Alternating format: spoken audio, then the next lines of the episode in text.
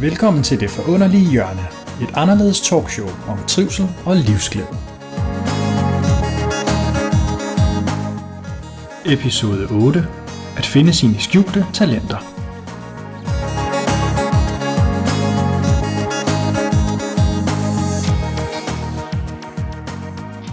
I dag der skal det handle om at finde sine skjulte talenter frem. Jeg har tit været i tvivl om, hvad det egentlig var, jeg var god til. Jeg vidste godt, jeg kunne noget, men i forhold til arbejdsmarkedet, i forhold til det her job, også senere, da jeg blev selvstændig, så vidste jeg faktisk ikke helt, hvordan jeg skulle bruge mig selv i det. Jeg turde faktisk ikke rigtigt at være mig selv. Når jeg for eksempel hørte fra en eller anden en gang, at personlig branding er smart, det er rigtig godt for, at folk lærer dig at kende. Det unikke ved dig skal frem, men jeg turde det ikke. Jeg var sådan en, der oprettede en hjemmeside, som alle mulige andre havde. Kiggede på de andre på nettet, og så så jeg, hvad de skrev. Og så skrev jeg sgu næsten det samme. Men jeg tiltrak bare ikke de mennesker og de kunder, jeg gerne vil have. Og det samme på jobmarkedet. Jeg gjorde altid det, de alle de andre gjorde. Det virkede til vis grad, men jeg fandt også bare ud af, når jeg sad og skrev CV, og når jeg skulle ud og søge job. Så det, der virkede, det var faktisk, at jeg ligesom havde min kant. Jeg ligesom fandt ud af at fortælle, hvad er det egentlig, jeg er god til, men hvorfor er jeg det? Hvorfor er det, jeg brænder for det her? Og først da jeg begyndte at tale om mit hvorfor, altså hvad det er, jeg brænder for, og det er jo også en helt anden snak om, hvordan fanden finder man så det, men ligesom fik vist, hvem jeg er, så skete der noget. Det var det, jeg begyndte at tiltrække de rigtige kunder. Det var det, jeg begyndte at tiltrække mennesker, som jeg også synes var interessante. Og det er det, det skal handle om i dag. Om at finde sine skjulte talenter, for netop at kunne brænde igennem. Hvis du også som lytter sidder og tænker, jamen, det er da tit, hvor jeg ikke helt kan finde ud af at sige det, jeg skal, og få mit budskab ud, så folk forstår mig, så vil du have rigtig god gavn af at lytte med, fordi Jesper Sylvester, som er med, han er ekspert inden for personlig branding. Han lever af det, og han ved, hvordan man bygger bro mellem at have et ønske om at komme ud med et budskab og komme igennem med det, man brænder for, og så rent faktisk gøre det. Jesper, velkommen til. Tak skal du have. Kan du ikke ganske kort fortælle vores lyttere, hvorfor er det, du er så sej til det her? Og hvad handler det egentlig om, når vi snakker om at finde skjulte talenter? Altså jeg tror først og fremmest, så, øh, så hvorfor jeg er sej til det, tror jeg egentlig bare handler om, at det er noget, jeg har lært på den mega, mega hårde måde øh, igennem, hvad skal man sige, min, min karriere, hvor jeg har heller ikke vidst, der var noget, der hed personlig branding. Nu sprang vi min introduktion over. Jeg ved ikke, om det var Det gør ikke noget. Vilje. Så tager vi introduktionen lige om lidt. Fedt. Men, men øh, det klipper vi bare ud. Godt, godt, godt, godt, godt. Der var en naturlig pause, så du, du sagde Jesper. Øh, ja. Jesper, prøv lige at fortælle vores lyttere, hvor kommer du fra, hvem er du, hvor gammel er du? Så vi får et indtryk af, hvad det er for en gut, du har med i studiet. Jamen, jeg, øh, jeg hedder Jesper, og, øh, og kommer oprindeligt fra, fra Aalborg. Jeg er 34 år, øh, men har ikke boet i, i Aalborg i så lang tid, selvom at folk ikke tror det, selvom jeg stadigvæk har sådan lidt jysk accent, men det bliver mere klart tydeligt, eller det bliver tydeligere, når jeg fortæller til lidt senere, fordi jeg har flyttet rigtig, rigtig meget i mit liv, så jeg flyttede til USA meget hurtigt, øh, efter vi, efter vi boede i, eller blev født i Aalborg, hvor min far øh, blev ustationeret jægerpilot. Noget af det sejeste, man overhovedet kan gøre. Jeg ved godt, der er mange, der tror, at deres far er sej, sådan noget, men prøv at høre, min far havde, altså han fløj jægerfly, så der var, der var ikke nogen, der var mere cool. Så der boede vi over i 3,5 år, fordi han var ustationeret. Og så har jeg ellers boet i stort set alle byer på, på Sjælland, mere eller mindre, og meget på Sydsjælland, hvor, hvor, jeg, hvor jeg også er opvokset. Så jeg er, jeg, er, øh, jeg, jeg, jeg har sådan en, en rodløs øh, tilstand, hvor nomadetilstand, hvor jeg har boet rigtig, rigtig mange steder. Men, øh, men øh, i dag, der bor jeg på Vestjylland sammen med min kæreste Pia og, og hendes barn Mila, og, og har igen har virksomheden Genkendelse, hvor jeg hjælper virksomheder og, og selvstændige med at blive bedre til at skille sig ud fra, øhm, fra mængden og brænde igennem over for dem, som, som det betyder allermest. Og, øhm, og det er, det er, man kan sige, det er basically sådan min, min, min korte, korte baggrund, hvor, hvor øhm, jeg startede min virksomhed for seks år siden, hvor, øhm, hvor det egentlig ikke helt var planen, at jeg skulle, skulle være selvstændig. Øhm, jeg, jeg startede den egentlig af, af, af mangel på bedre, eller på mangel på bedre idéer, fordi jeg, jeg havde været, jeg havde været salg. Jeg ved ikke engang, om jeg skal fortælle min, min sådan faglige faglige baggrund. Men, øh... Det må du gerne. Det, giver, okay. det er relevant i forhold til det, du laver i dag, og hvordan du egentlig kan hjælpe folk med at finde deres talenter, Fedt. så de kan brænde igen. Men hvis det er relevant for i dag, så, øh, så, vil, jeg, så vil jeg gerne have det med. Endelig, kom med det. Hvad hedder det? Men, men rent, sådan rent fagligt, så, øh, så har jeg arbejdet med salg og marketing siden 1994, og har har hvad hedder det, startet tilbage i, i, som elev i Fona og har, har været i, i radio-tv-industrien i, i en lang tid, men har været rigtig lang, været endnu længere tid i teleindustrien hvor jeg har rådgivet virksomheder i, i købet af, af telefoniløsninger og har været, været øhm, salgschef og, og en masse spændende ting. Øhm, indtil jeg i 2008, hvor jeg så øh, er sidder i en, øh, en stilling som nordisk salgschef i en medievirksomhed, er ved at brække mig over salg og, øh, og, og marketing, og, og aner egentlig ikke hvorfor, men, men, men, men synes bare, at det jeg, det, jeg har brændt for igennem de sidste mange, mange år, det brænder jeg bare ikke rigtig for mere. Og og, og på det tidspunkt, der boede jeg i Næstved, og, og min stilling, øh, eller øh, virksomheden lå i Skodsborg, så, og jeg skulle køre fra Næstved til Skodsborg hver evig eneste dag øh, for at køre på arbejde. Så jeg brugte halvanden time på at køre ind på arbejde og, og fuldstændig pisse mig selv af, fordi jeg var så træt af mit arbejde. Så når jeg endelig kom på arbejde, så var jeg så drænet for energi. Så hele dagen den var så mega, mega lang, så når jeg endelig skulle hjem, så var jeg nødt til at holde sådan 4-5 pauser i, på vejen hjem, fordi jeg var så træt, når, når jeg skulle hjem. Så, altså, så, så træt var jeg af, af mit arbejde, hele, hele situationen. Øhm, så, øhm, så jeg sagde op fra den ene dag til den anden, og, og, og, og gik og gør det, som jo er fuldstændig uhørt i den her kultur, det er at, at, at sige op uden at have noget andet. Øh, så jeg, øhm, ja, så jeg blev, øh, blev, blev arbejdsløs i, i en periode, men, men desværre så er jeg jo sådan en type, som jeg, jeg, jeg kan jo ikke være arbejdsløs i den traditionelle forstand. Jeg finder bare på noget, så jeg, jeg tænkte, jamen jeg tager alt det, jeg nu engang er bedst til, og, og koger det sammen til, til, til noget, og så prøver jeg at gå ud og sælge det til, til nogle virksomheder, og 1, 2, 3, så var jeg selvstændig. Øhm, så det var egentlig, det var derfra jeg startede, så min, min, mit, mit, hvad skal man sige, min, min rejse som selvstændig var, har været meget mudret i starten. Øhm, en ting var dog sikkert, det var, at jeg vidste, at jeg var god til det, jeg lavede. Så det jeg, det jeg gik ud og startede i, altså i, og lavede i min virksomhed, det var, at jeg gik ud og lavede rådgivning og træning i, i salg og marketing i virksomheder, som, øh, som jeg mente kunne have, kunne have gavn af en lidt, en lidt anderledes måde at, øh, at, øh, at tænke på. Fordi det synes jeg altid, jeg har sådan været, hvad, hvad, hvad hedder det, forgangsmenneske for. Øh, men og, og på trods af, at jeg rent faktisk havde et rigtig, rigtig fedt produkt, en fed hjemmeside, jeg havde en, altså synes jeg selv i hvert fald, et rigtig, et rigtig fedt setup og var professionel, øh, fordi igen, jeg har været, jeg har været i den her corporate verden i rigtig, rigtig mange år. Så det at gå ud og skulle sælge sig selv til, til en virksomhed, det har jeg altid, det har jeg altid gjort. Jeg har heller ikke haft noget problem med at gribe knoglen og, så, og ringe kold canvas, som man kalder det. Det har aldrig været et problem.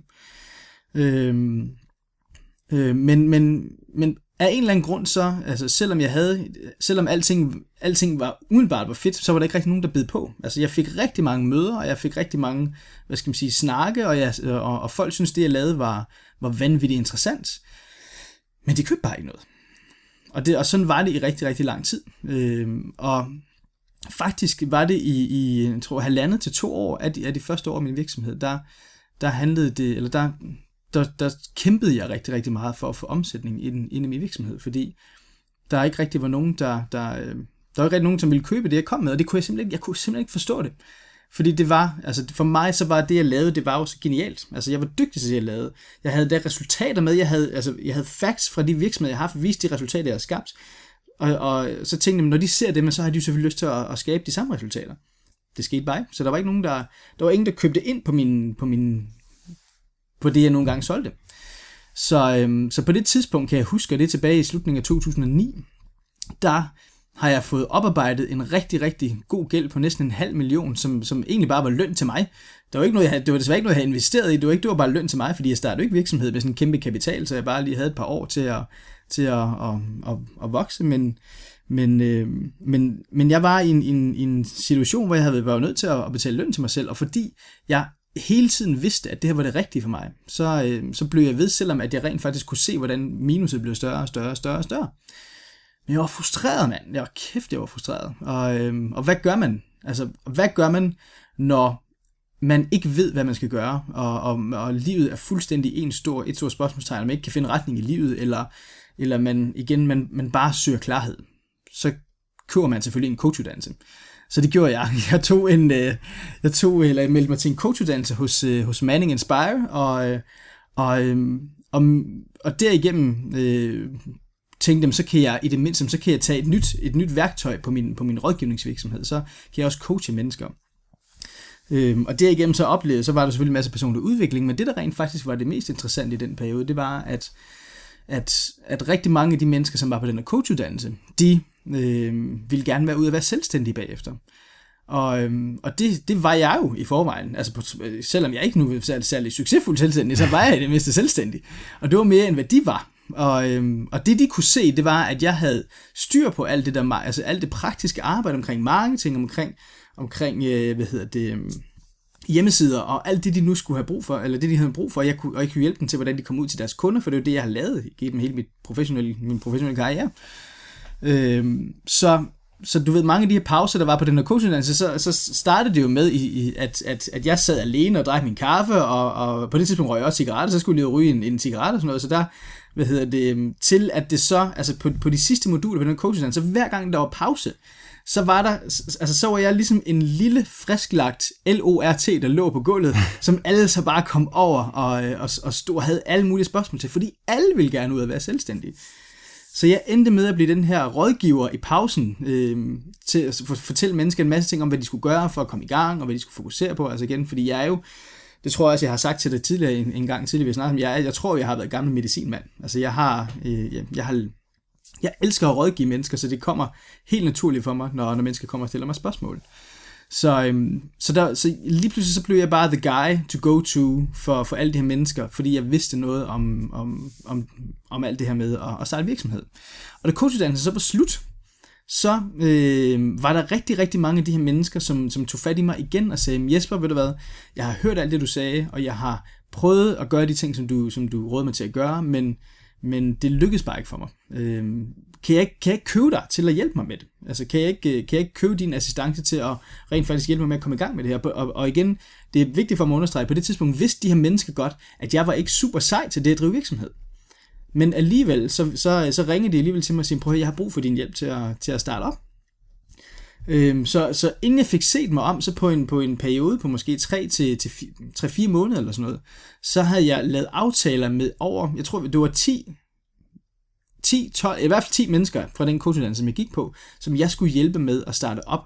Og, og de mennesker alene genererede, jeg tror det var 350 eller 400.000 i, i omsætning på produkter, jeg ikke engang havde på min hjemmeside. Det var, altså igen, det var, det var samarbejde, det var, det var ting, jeg hjalp med, som jeg ikke engang solgte kommercielt. Altså jeg havde, jeg havde ikke en fed hjemmeside, som jeg kunne sælge, altså, hvor jeg kunne sælge det her fra. Øhm, og, og igen, men, men, men mennesker købte det alligevel. Og jeg fattede det simpelthen ikke, hvorfor. Altså, prøv at jeg sidder her og siger, at jeg er røv dårlig til det her med at drive virksomhed, men jeg har, altså jeg, jeg, jeg, jeg kan gøre det, jeg kan skabe det, og folk de sidder og, og, og vil betale mig penge for at hjælpe dem med at gøre det samme, og på den anden side, så har jeg det her over, som jeg er vanvittigt god til, og som jeg også har beviser for, at jeg er god til, men det vil folk ikke købe. Det forstod jeg simpelthen ikke. Jeg ved ikke, om du kan følge mig, fordi... Altså... Så man kan sige, dit CV, og det, det, det, hvad du gør, og alt det, du har lært gennem din uddannelse som sælger, er det, du faktisk har lavet hele dit liv nærmest. Præcis. Ja, okay, ikke da du var helt ung jo, jo, knæk, det gør Der var du allerede i Fona. Yes. men, men det er faktisk, det var det, som ikke slog igennem. Præcis. Og, og det er jo også relevant i forhold til dem, der sidder og lytter og tænker, jamen, jeg er jo den, det jeg har lavet, det er jo det, som nye virksomheder, når jeg skal ud og have et job, det er det, de køber mig på, fordi jeg har de her kompetencer. Præcis. Og så sker der det her, du, du tager den her coachuddannelse, og du egentlig ikke er særlig god til det, og de vil faktisk ikke have det, du kommer fra. De vil faktisk have formidling omkring det. Ja.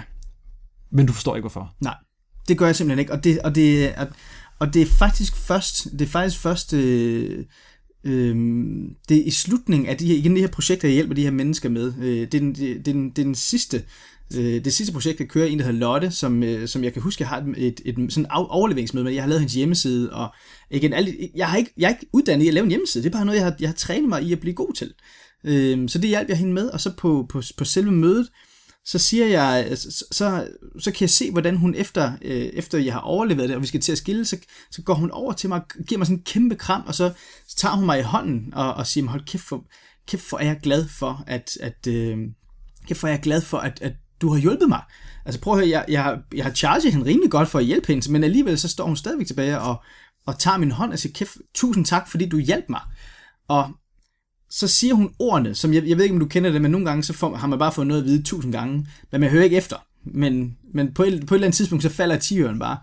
Og så siger hun, jeg vil ønske, at der var flere mennesker, der, der, øh, der, der kunne se, hvor, hvor, øh, eller der, der var flere mennesker, der kunne se, hvor dygtig du er til, til du laver, fordi der er virkelig ikke andre som, øh, der er virkelig ikke andre som dig. Og så tænkte jeg, jamen, okay, men hvorfor, hvorfor kan mennesker egentlig ikke se det, jeg laver? Det, det, det er egentlig altså, det naturlige at gå ud og, og, og sælge det.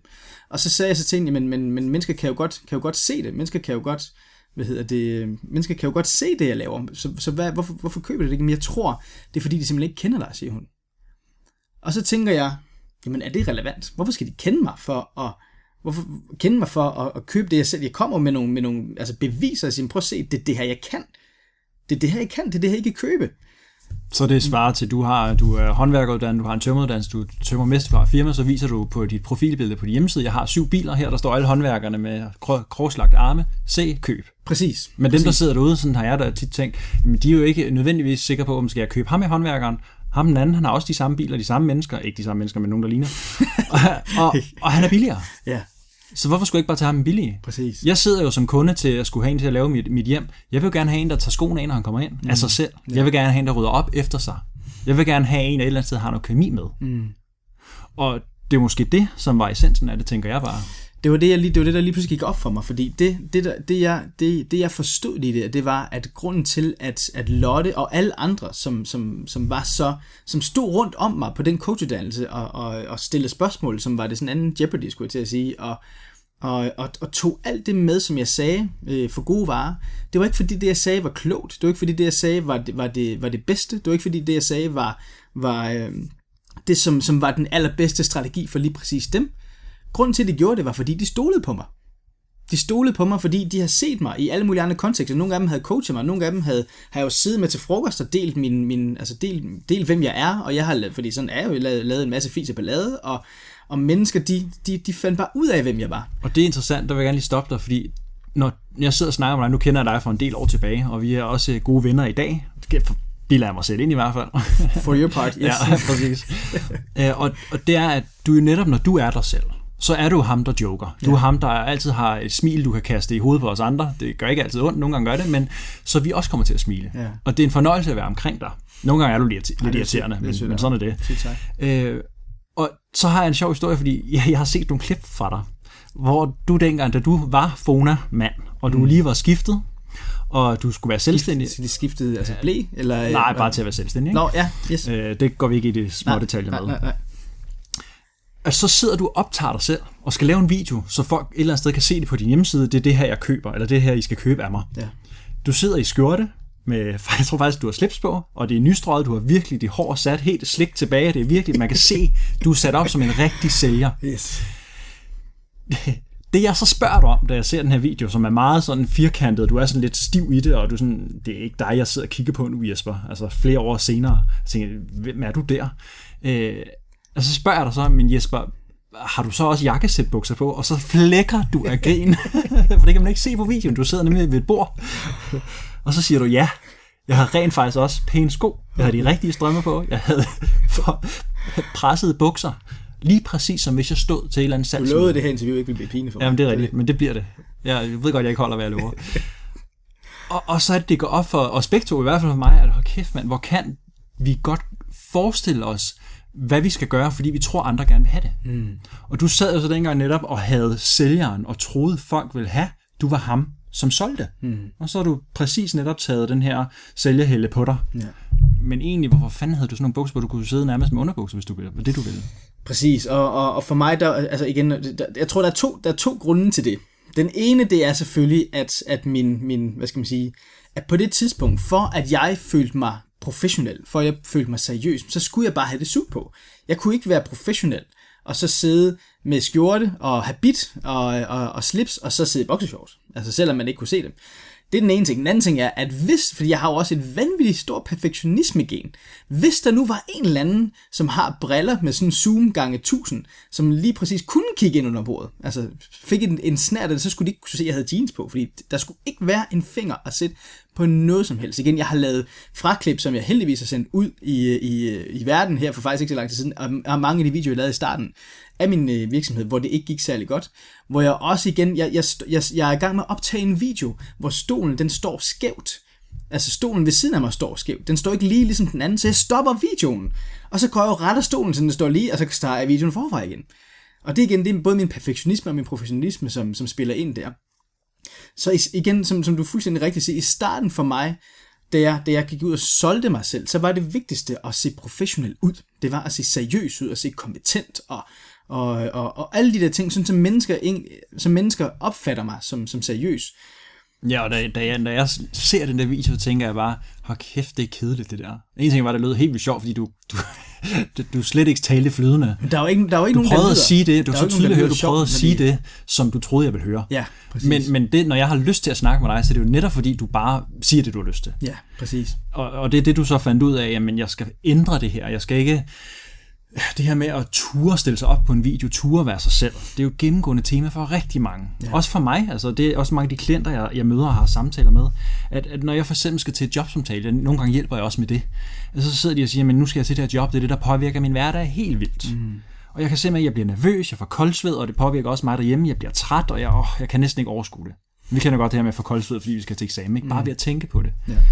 Og, og det jeg så kan se, der er sådan en gennemgående træk for rigtig mange, det er, at de ikke tør at være dem selv. Mm. De tør ikke, hvad nu hvis de spørger, øh, hvor jeg kommer fra? Jamen, hvorfor siger du ikke bare, at du kommer derfra, hvor du nogle gange gør? Det var en, der kom fra udlandet. Ja. Jamen, hvad nu hvis det er med mit navn og sådan noget? Jamen, det er jo lige meget. Og hun havde jo helt klart en frygt med sig for, at hun ville blive dømt på grund af sit navn og sit udseende. Men som jeg også må sige til hende, når jeg sidder og snakker med hende fra første dag, jeg mødte dig, der kunne jeg bare mærke, hvor er du bare en rar person at være sammen med.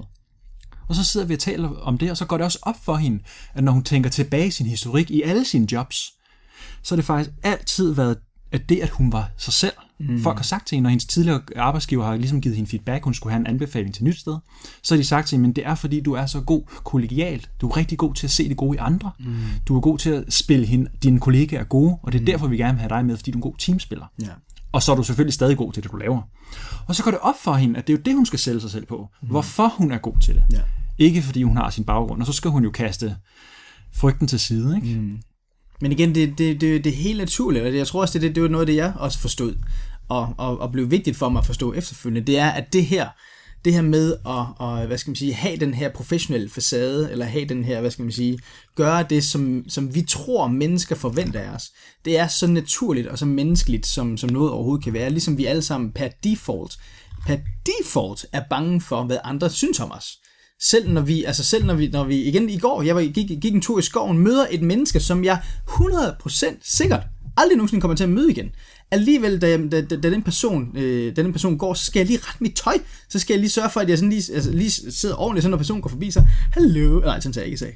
Dag, tror jeg. Eller sådan, Så var de rigtig, klar. rigtig fint, eller et eller andet. Og hvor igen, det jeg har det det stadigvæk. Altså, fordi det, jeg tror, det ligger så naturligt inde i os at være den der korrekte person.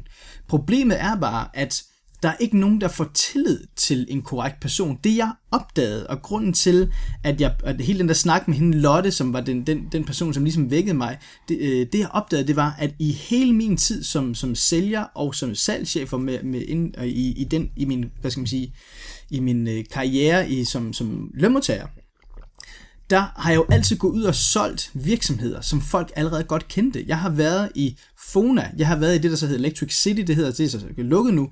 Så har jeg været i Sonofon, det der hedder Telenor i dag. Jeg har været i 3, jeg har været med til at starte 3 op i 2003, jeg har været hos Xerox, og så har jeg været i Nordisk øh, Taxireklame Nordic. Alle sammen inden for, de, inden for de kundesegmenter, der er. Alle kunder ved, hvem det er. De stoler på dem. De har allerede, altså de har købt noget af dem før, så der er, de ved allerede, hvem det er. Så kommer jeg ud. Jesper, hej, jeg er øh, konsulent, og jeg vil gerne, øh, jeg, jeg kan hjælpe jer med det her. Og igen, jeg, jeg står med, det, med, med et rigtig, rigtig fedt produkt, men de aner bare ikke, hvem jeg er. Og samtidig med det, så kommer jeg ud stiv som en planke. Altså, eller ikke, altså ikke stiv som, altså, jeg er ikke fuld, men... Du er ikke beruset på jobbet. Nej, nej, det er og derfor du skal holde pause på vejen hjem. Nej, det var, ja, det kunne. Du må ikke drikke, mens du arbejder. Det er en dårlig idé. Du må ikke Nej, køre, jeg var fuldstændig i mit, i mit drikker. jakkesæt og i mit... Du risikerer spillet. ja.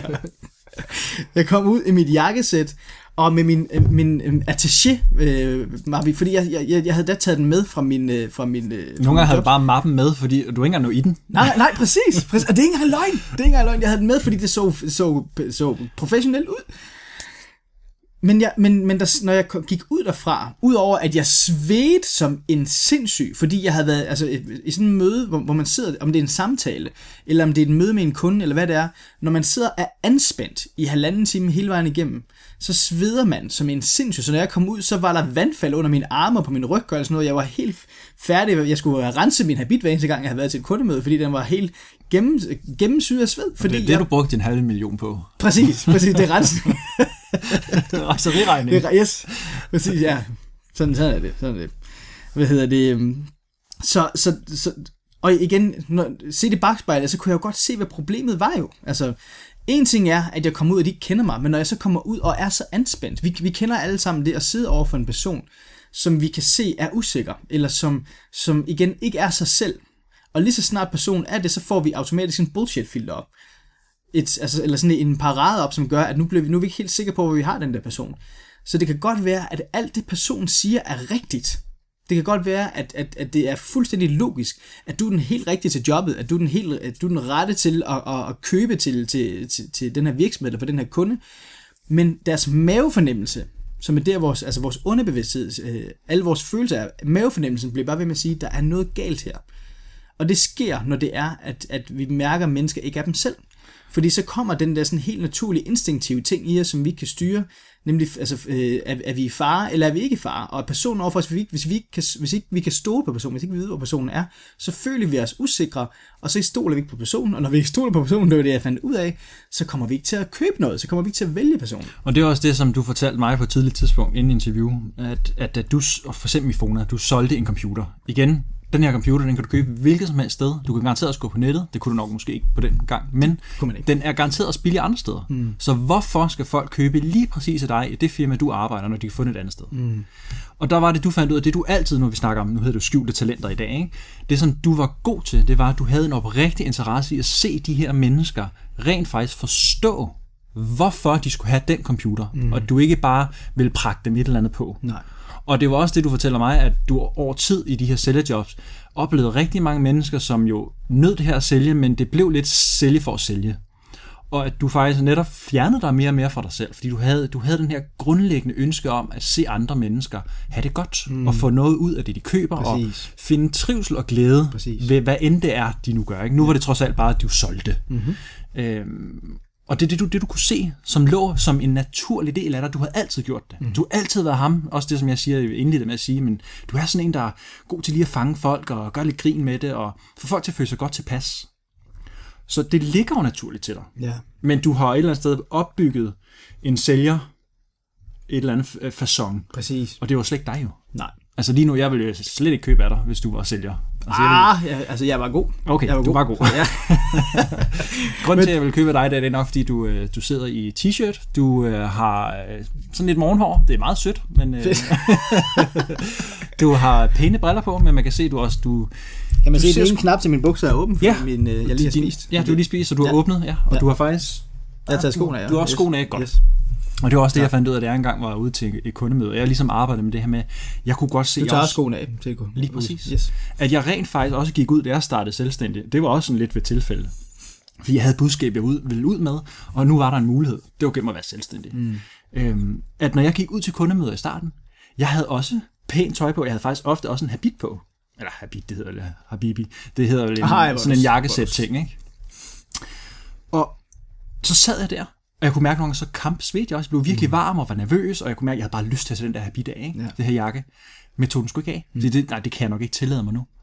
Ej, er du sindssyg. Og så gik det bare for mig, at jeg tør jo overhovedet ikke at være mig selv sammen med de her mennesker. Nej. Bare fordi, at de er direktører. Mm. Altså så tænker jeg, at de er jo bedre end mig. Jeg har altid haft noget med autoriteter. Mm. Og så gik det op for mig, det er jo ikke noget, jeg går og begrænser mig selv. Og er nervøs for at gå til den her samtale, Nej. bare fordi det er den person. Og så var det så, at der var en klog mand, der engang sagde til mig, "Men hey, altså selv direktører, de har jo også tønsket en gang imellem. Ja. Og så var jeg sige, okay, hver gang jeg går ud nu, jeg kan se det der med min begrænsning, ja. så tænker jeg det. ja. Det vidste de jo ikke, vel? Jeg sagde det ikke. Så når du mødte en direktør, så tænkte du, Han har også tønsket en gang imellem. fedt. Han har også dårlig mave. Og det gjorde det, det fik det bare ned på et lidt andet niveau. Ja. Og det betød, at jeg kunne slappe mere af. Og så øvede jeg mig at tage min jakke af. Mm. Og jeg lå simpelthen til sidst være med at tage den på. Så nu Ja. begyndte jeg at tage, hvad, hvad vil jeg føle mig godt tilpas i? Ja. Hvad ligger til mig naturligt at have mm. på? Så kom jeg ikke, nej, i uh, white beater og shorts og sandaler. Det gjorde jeg ikke, Jesper. Jeg ved godt, du skal sige det. Ja. Men så tog jeg bare mit almindelige tøj på. Og jeg kan huske, at jeg kom en dag, det var en, var det en det var, jeg tror faktisk, det var en ret varm sommerdag, hvor jeg kom til, jeg ved ikke hvorfor, jeg kom til at tage mine vinterstøvler på. Øh, Lang historie, men det, det gjorde jeg meget dumt. Yes. det, og den, lad, der, vi holder, det lader lige stå der et Ja. øjeblik. Skal vi lige holde en kort pause? Ja, nej. Nej. Tak. Og så sidder jeg til det her møde, og så går det bare for mig undervejs. Ej, jeg, jeg har glemt at tage min, øh, min sådan lidt mere øh, sommersko med. Det ligger ikke i bilen, hvor jeg ellers normalt ville have dem, så jeg kunne skifte. Så kommer jeg ind til det møde, og jeg tænker, "Ej, jeg kan ikke sidde hele det her møde. Og det første, jeg siger til ham, det er, prøv at jeg har lige jeg kamp sveder, fordi jeg har taget de her vintersko på. Jeg skulle glemme mine øh, sommersko. Og som du ved, så er det rimelig varmt udenfor. Jeg tager sgu lige skoene af. Så sagde ved du hvad, det kan jeg fint med godt forstå. Tag du bare dem af, så længe det ikke lugter, og så griner vi lidt af det. Ja, ja, ja. Og så sidder vi og snakker, og så er stemningen lagt, og han er jo helt nede på jorden. Og det ender med, efter det møde, at så lander vi ordnen. Og ved du hvad, fordi du smider skoene, så er jeg sikker på, så fik du også ham til at slappe mere af. Og det er, det, det er lige præcis det, jeg fandt ud af i min, i min hvad skal man sige, på min rejse med og, og, og, og, hvad skal man sige, eller fra, igen tilbage fra udgangspunktet, hvor jeg fandt ud af, at det her det handler egentlig om at, at skabe tillid. Og tillid skabes ved, at vi, at vi er os selv, og vi tør være os selv, og, vi, og det vi siger er rigtigt, sådan til det kommer rigtigt ud, at så, så, så er det, at vi, hvad skal man sige, øhm, nej, det, det, det er basically det, der, der, der, er, der er hele målet med alting, fordi lige så snart, at vi, vi skaber tillid, eller den der tryghed, tryghed, som der er i den, i den person, som vi nu sidder for, om det er, og det sjove er, at det her det er faktisk universelt, det er ikke kun en arbejdsgiver eller en kunde, det er også i et parforhold, eller i forhold til en ven, eller sådan noget, når, der, når, når, når øh, hvad skal man sige, trygheden og øh, hvad hedder det, tilliden er lagt, så bliver det en afslappet stemning, og så kan alle sige det, som de gerne vil, og de kan sige det på måden, de gerne vil, de kan være dem selv. Og jeg ved, og det er jo så sjovt nok det, jeg har brugt, eller brugt i hvert fald et år på, efter, efter jeg selv fandt ud af det, hvem er egentlig gode til det her? Hvem er egentlig gode til at, at, at tiltrække mennesker? Hvem er gode til at få succes lige meget, hvad, hvad de laver? Og hvem er gode til at, at hvad skal man sige, at få, få mennesker til at følge dem, hvis det nu har været, hvis det var virksomheder eksempelvis. Altså, hvem, hvem er egentlig gode til at få, få mennesker til at, at, at, at vælge dem? Og så fandt jeg ud af, at der, der er bare nogle traits, altså nogle, nogle kendetegn ved mennesker, som, som, som, hvad skal man sige, som, som er universelle. Og det var det, jeg lige pludselig opdagede. Det var der rent faktisk et begreb for, der hed personlig branding. Og så tænkte jeg, jamen, det her det skulle da noget, jeg, det er noget, jeg skal, jeg skal begynde at arbejde med. Så det var det, jeg brugte et år på at finde ud af, hvordan kan jeg, hvordan kan jeg øh, rent faktisk øh, hvad skal man sige, gøre det tydeligt for mennesker, hvorfor de kan stole på mig, og endnu vigtigere, hvorfor de så kan vælge mig. Fordi personlig branding handler om at, hvad skal man sige, i iscenesætte sig selv, eller i hvert fald sætte sig selv i en position, hvor man, hvor man er med til at påvirke menneskers syn på en. Hvor det, jeg havde brugt hele, altså de første to år af min virksomhed på, det var at markedsføre mit produkt, det vil sige, se hvor genialt det er, køb, køb, køb, køb, køb, køb, køb. Og det var alt det, jeg havde brugt min krudt på, men der var ikke, jeg havde ikke, jeg det er jo også det, vi gør, når vi et eller andet sted går på dating. Prøv at se, hvad jeg Præcis. kommer med. Og det Præcis. første, man oftest bliver spurgt om, det er, jamen, hvad laver du så? Ja. Hvad har du arbejdet med? Hvor kommer du fra? Og så kan man fortælle, at jeg er uddannet det, og så har jeg lavet det, og det, og jeg har lavet giga mange ting, ja. ikke? og jeg er ikke særlig gammel. Og når folk så de hører de ting, tænker åh oh, ja, yeah. mm. Og så har det sådan, jamen, og ja hvad? Ja. Det er jo lige meget, jeg har lavet rigtig mange ting. Det er jo fuldstændig lige meget, at jeg fik mig en ingeniøruddannelse og fik drømmejobbet. Prøv at der var 80 til ansættelsessamtale med kasseløn. Mm. Alle ting var bare spot on, som det skulle være. Ikke? Så det er jo lige meget, at jeg kunne øh, knokle mig frem til det og blive dygtiggøre mig, ligesom du har været sælger. Ikke? Mm. Dygtiggøre mig til et fag, hvis jeg egentlig ikke føler, at jeg kan være mig selv i det. Nej. Jeg kunne ikke være mig selv, og jeg fandt også bare ud af, at mine naturlige talenter, og det jeg egentlig synes, jeg var vigtigst for mig i mit liv, det var ikke at sidde og nørde. Jeg elskede det, jeg var også god til det. Men det var egentlig ikke det, jeg brændte for. Nej. Og mine skjulte talenter lå mere i det her med at snakke med mennesker, undervise, mm. få andre folk til at føle, at her der er, det, der er der plads til, at du gerne må sige det, der skal siges. Ja. Men jeg kommer fra en baggrund, hvor jeg aldrig helt har fået lov eller mulighed for det. Det har ikke mm. været kutume eller sådan kultur, der hvor jeg kommer fra. Nej. I min opvækst. Så jeg fandt bare ud af, når jeg sådan kiggede tilbage, da jeg sagde op som ingeniør og fandt ud af, at jeg skal noget andet. Okay, hvad er det egentlig, der er min track record? Mm. Og det var, at jeg altid underviste. Siden jeg var 15-14, tror jeg, der startede jeg med at undervise. Selv i folkeskolen, der underviste jeg i matematik til mine klassekammerater. Altså, oh, ja. Fordi øh, Nerd. Altså, jeg var egentlig ikke særlig god til det som sådan. Jeg, kunne, jeg, jeg dygtiggjorde mig, men jeg synes egentlig ikke, det var så fedt. Nej. Men jeg kunne godt lide, når jeg kunne noget, og andre ikke kunne det så kunne jeg godt lide at give dem, give dem øh, muligheden for at se hvorfor, mm. og hvordan man skulle gøre det. Ja. Så for tidlig start, så var jeg bare god til at formidle noget. Mm. Og som ingeniør fik jeg ikke lov til at formidle. Nej. Jeg sad for en skærm 8 timer om dagen, og det fandt jeg bare ud, det er ikke mig. Nej. Og når jeg skulle ned i frokost, øh, hvad hedder det, pausen, der var ingen, der snakkede om, hvordan de ellers havde det. Mm. Det var bare job, job, job, job, job, ja. job, job, job, job. Jeg elsker at snakke om, hvad der skal til for at have det godt. Mm. Præcis, og det gør du sandsynligt, fordi det har været en del af din egen rejse. Lige altså at, at finde ud af, hvad der egentlig skal. Og det er jo også derfor for mig, var det jo også naturligt, da jeg rent faktisk altså, forstod, hvad det var, der skulle til for at brande sig selv, så det interessante var jo så, altså begyndte endnu, igen ligesom da jeg sad til coachuddannelsen, så begyndte rigtig mange mennesker at, at, at, at observere, at jeg gjorde noget helt andet, end alle andre gjorde. Jeg begyndte at fokusere på, hvordan man rent faktisk positionerer sig selv, hvordan man, hvordan man skaber tillid, så jeg begyndte at, at, igen at gøre en, en, en masse ting på, på den konto, og så begyndte folk lige pludselig at tænke, men, og folk kunne se, at folk blev draget af mig, og så var det lige pludselig, at, at, øh, at, at jeg begyndte at få nye henvendelser igen. Jeg har aldrig, altså igen, til, til dato har jeg har aldrig fået hul igennem til virksomheden. Aldrig nogensinde. Det, der rent faktisk så skete, det var, at de mennesker, som, som, øh, som kiggede på mig, eller som, som brugte mig som reference til, til arbejde, de lavede, de tænkte, at det han laver, det er med, med altså han, han gør noget godt derovre. Så de ringer til mig igen, ligesom de gjorde på coachuddannelsen, og siger, hvordan, hvordan er det, du gør det her? Øh, hvordan iscenesætter du det selv? Hvordan brander du det selv? Hvordan arbejder du med det her? Og 1, 2, 3, så er det faktisk endt med, og nu er det snart fire år senere, så er det faktisk det, jeg har lavet igennem de sidste fire år. Jeg har hjulpet andre med at gøre det, som jeg selv var en klaphat til, til at starte med, men som så var det, jeg lærte, hvordan jeg skulle mestre, sådan så jeg øh, kunne få den virksomhed, som jeg rent faktisk gerne vil have. Det jeg bare troede igen, og det er jo, det er jo det, noget af det, som, som livet også har, har smidt i hovedet på mig rigtig mange gange. Jeg troede jo, at meningen med min virksomhed var, at jeg skulle ud og være professionel igen sammen med andre corporate virksomheder, og undervise og, og, og arbejde med salg. Men i processen, og blev ved med at holde fast i den drøm, fordi det var det, der var det rigtige at gøre. Og det var det, jeg fandt ud af, at de første to år af min virksomhed var et ego-projekt. Det handlede om, at jeg skulle ud og blive ved med at køre den fede bil, blive ved med at tjene kassen, blive ved med at, at gå med jakkesæt og være på en bestemt måde. Men dybt inderst inden, så var jeg røv træt af at lave det, og det var også derfor, jeg var træt af, og det, det var også derfor, jeg sagde mit job op. Jeg var træt af at gå ud og være sælgerhelge og skulle gå ud og, og, og, og med, med salg for øje og blive målt på det. Jeg elskede, og, og, og, og, og det jeg altid har været god til, jeg elskede at hjælpe mennesker til, og mennesker, det er også virksomhed, det er også kunder, det vil sige, når jeg arbejdede som, som sælger, så hjælp mennesker til at forstå, hvad, der, hvad, det, hvad det er, der skal til for, at de rent faktisk får det bedste resultat. Den, den evne har jeg altid haft, hvor jeg vidste så bare ikke, at den var endnu bedre, når det så kom med, med hvad skal man sige, mennesker, mennesker selv, når det kom til dem, hvor jeg rent faktisk fandt ud af, at noget, noget af det, som jeg altid, ligesom du snakker om, du har altid undervist, men jeg har altid været ham, som folk de kom til, hvis de havde en eller anden problem eller frustration eller eller andet.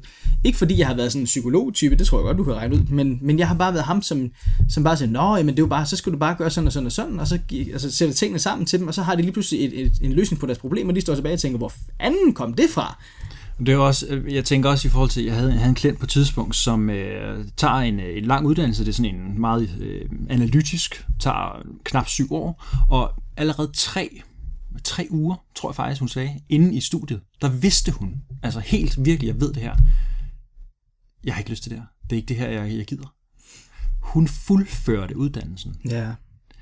Men hun gjorde det, fordi, og det var så det, hun kom til mig med, fordi hun så stod der og var, var, var lidt nervøs for, hvad, hvad skal jeg ud til? Hun var rigtig sådan, alle, de andre, de laver frivilligt arbejde, og de er, man har meget bedre CV end mig, og øh, jeg er ikke sikker på, at jeg kan få det rigtige job, fordi jeg ikke har den her erfaring, som de har, og, og jeg, jeg, jeg har det sgu lidt skidt her. Mm-hmm. Men det handlede egentlig om, at den frygt, hun havde, var baseret på, at hun faktisk godt vidste, at hun ikke havde sig selv med i det. Mm. Det vi så gør i stedet for, det er, at vi går ind og kigger på, hvorfor er det så, at du har det sådan? Når nu du har taget den, det behøver ikke nødvendigvis være tabt. For der er åbenbart noget, hun kan lide ved den, og det var der trods alt. Hvad er det så? Mm. Hun fandt så ud af, også ved at blandt andet kigge i sin omgangskreds, og kigge ind på, hvad er det, de altid har set hende som. Mm. Hun fandt ud af, at hun var at hendes styrker. Hun var rigtig, rigtig god til at få andre folk til at se løsninger. Mm. Hun var rigtig god til at få folk til at blive engageret. Hun elskede, hun brændte for at starte ting op, altså startfaser. Og hun kunne godt lide det her med at sætte ting i struktur. Mm. Så snakker vi om, jamen, kan du ikke gøre det som med den her uddannelse, du har? Og så går det op for, at det kan hun faktisk godt. Ja. Hun tror bare, at nu skal jeg ud og have den her titel, oh, og det er, og jeg, jeg er ikke lige så god som de andre. Nej. Men hun kommer også fra en opvækst, hvor at hun er altid blevet pacet, mm. og hun har fået at vide, at det er rigtig godt at få den her, og du skal, det kunne være fedt, hvis du blev for eksempel læge eller et eller andet. Ikke? Ja. Så hun har altid fået at vide de ting. Hun har faktisk også gjort det på baggrund af de ting. Mm. Men det er, og det er jo lidt... Og det, da faktisk... hun så får fat i sine skjulte talenter, det var netop det, ja. det handler om. Får fat i, okay, men det jeg egentlig brænder for, det jeg faktisk reelt set, folk ser mig som, det jeg altid har gjort, det er at være hende, der ligesom inspirerer, motiverer folk til at gøre det. Mm. Til at komme i gang. Så begynder hun at undersøge, hvad er der af mulighed inden for det. Og det ender med, at hun tager til udlandet og får nærmest drømmejobbet, mm. som hun ellers har gået og frygtet, det får jeg aldrig det her. Nej. Og så bruger hun sin uddannelse til perfektion. Nærmest, ja, ja, fantastisk historie. Fantastisk historie. Og man kan sige, at hun kommer fra med sorte huller og depression, og ikke at, at undertale det, for det kan også være svært, og det er ikke nødvendigvis så nemt, man kommer ud af det. Men lige for hende, mm. var det der, hun fandt ud af, hvad der lå naturligt til hende. Ja. Der Klar. gjorde hun rent faktisk fandt Klar. motivation til at komme videre. Præcis. Og hun har jo helt klart taget, taget uddannelsen på sig, som nu skal jeg jo så gøre det her. Hun troede, hun skulle lave frivilligt arbejde, for det må jeg jo hellere. Mm-hmm. Jeg må jo hellere gøre det her med studiejobbet. Ja. Men hvorfor? Det kan da godt være, at det hjælper dig, klart. Mm. Men hvorfor gør det, fordi de andre gør det? Du skal jo gøre det, der er rigtigt for dig. Præcis. Men det tog hun ikke, fordi hun har altid fået at vide, hvad hun skal gøre.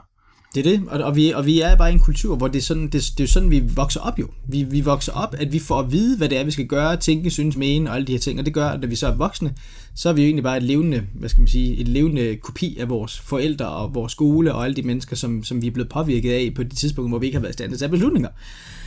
Og det er også derfor, det er jo det, det, er jo det, og det er jo sjovt, fordi jeg har jo, hvad skal man sige, min, min baggrund er jo også, eller min, min hvad skal man sige, baggrund, min barndom, hvad skal man kalde det, hvad du vil, jeg, havde, jeg har jo haft et, altid haft et, et rigtig stærkt forhold til min far, været meget, meget, altså han har jo været den sejeste i hele verden igen, han fløj med missiler. Klart, ja, pilot. Missiler, altså hvad vil du gøre? Ja. Han var den sejeste i hele verden, og han har, været, han har været min rollemodel i rigtig mange år, lige indtil at han begyndte at få det rigtig svært psykisk med nogle gamle, øh, gamle sår, som, jeg, som, som, som plagede ham, og som gjorde, at han rent faktisk begyndte at få et alkoholproblem, som gjorde, at han rent faktisk blev grounded. Det, det kalder man det inden for flyvning, når man ikke må flyve.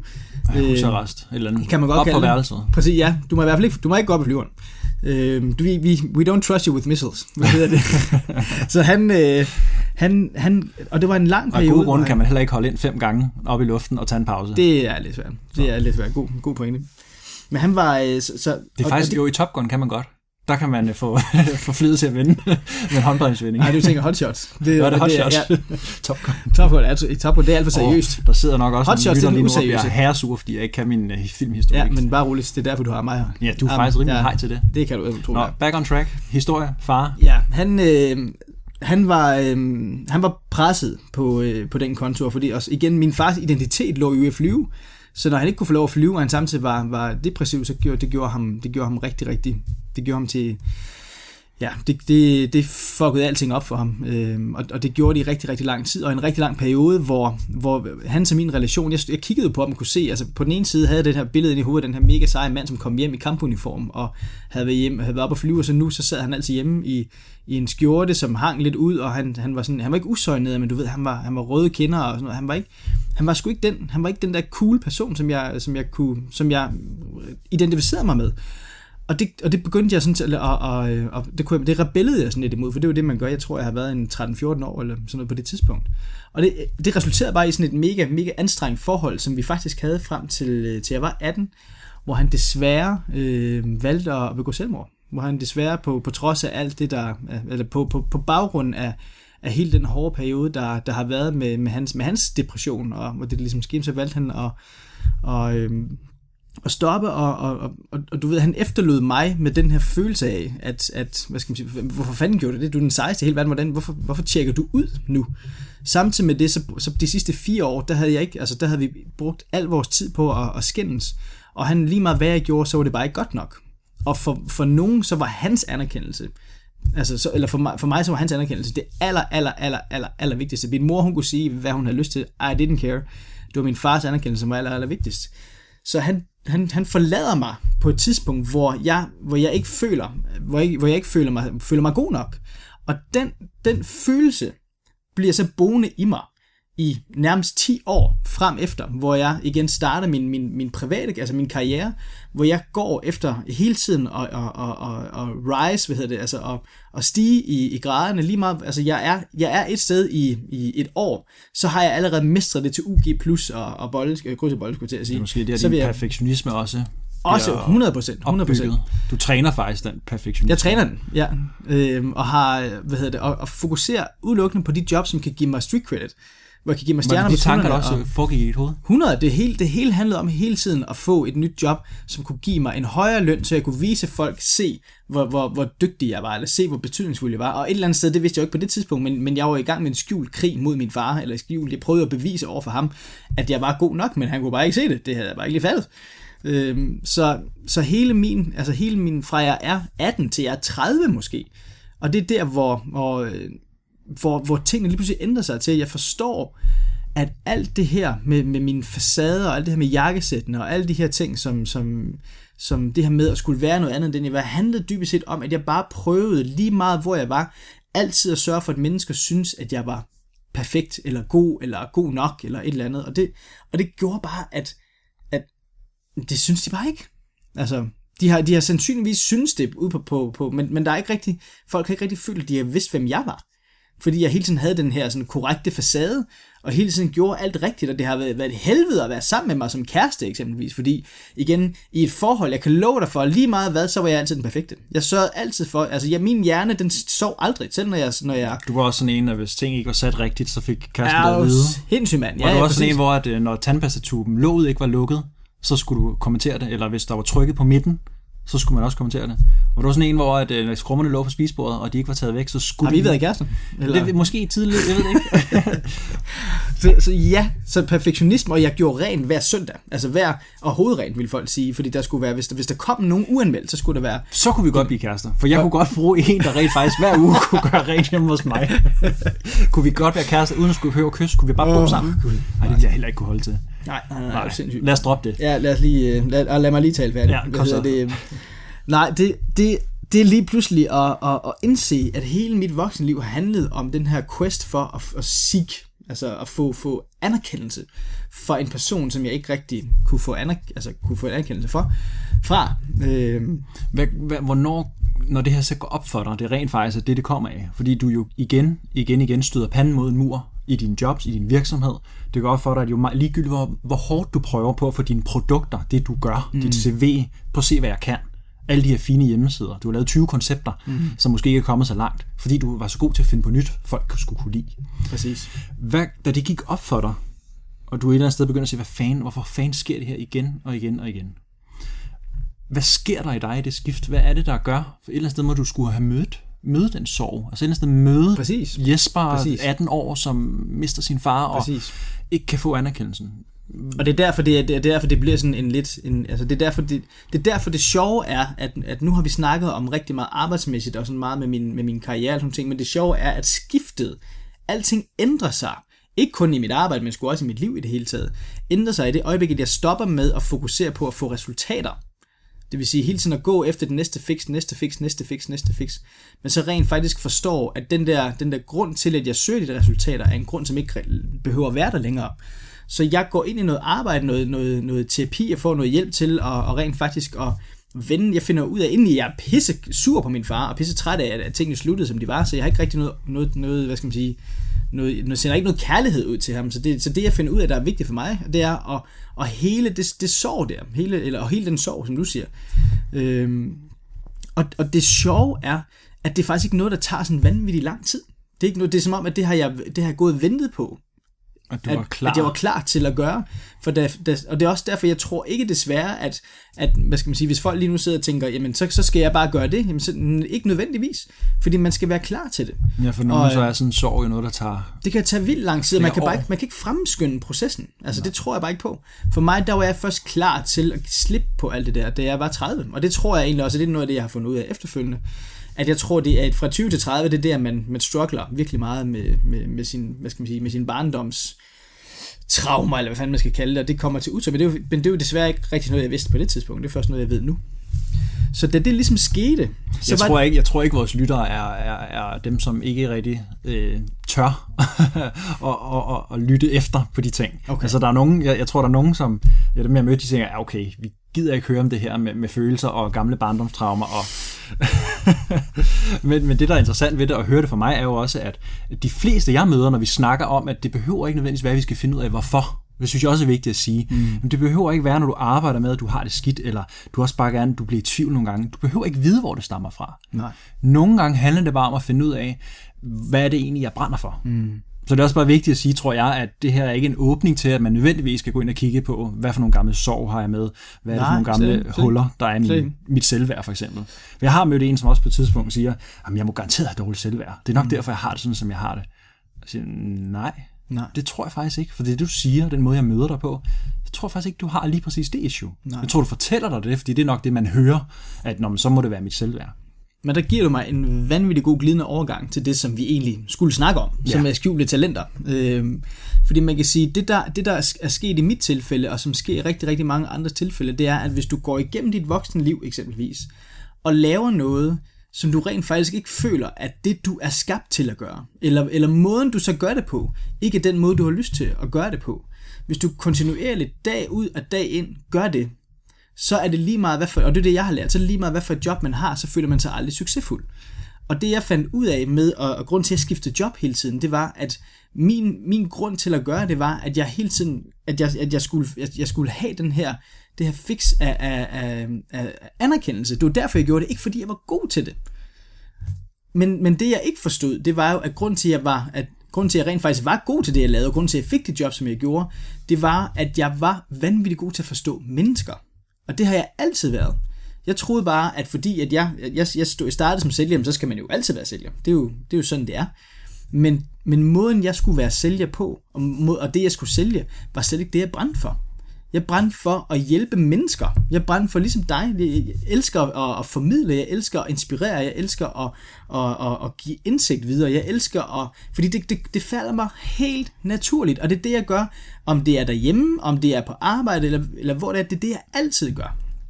Så det, at jeg lige pludselig, det jeg lige pludselig gav slip på min far, og ikke gav slip på ham, men, men, hvad hedder det, men, men, og at jeg så rent faktisk begyndte at indse, hvad det er, jeg rent faktisk savner at gøre noget mere, eller hvad jeg er bange for at vise, og begyndte at arbejde noget mere med det, så var det sjovt, at så begyndte, øh, nej, undskyld, nu, nu, nu glemmer jeg en meget, meget vigtig pointe, som var det her med, at når man laver noget kontinuerligt, igen og igen, i rigtig lang tid, som man ikke brænder for, så går det ud over selvværdet.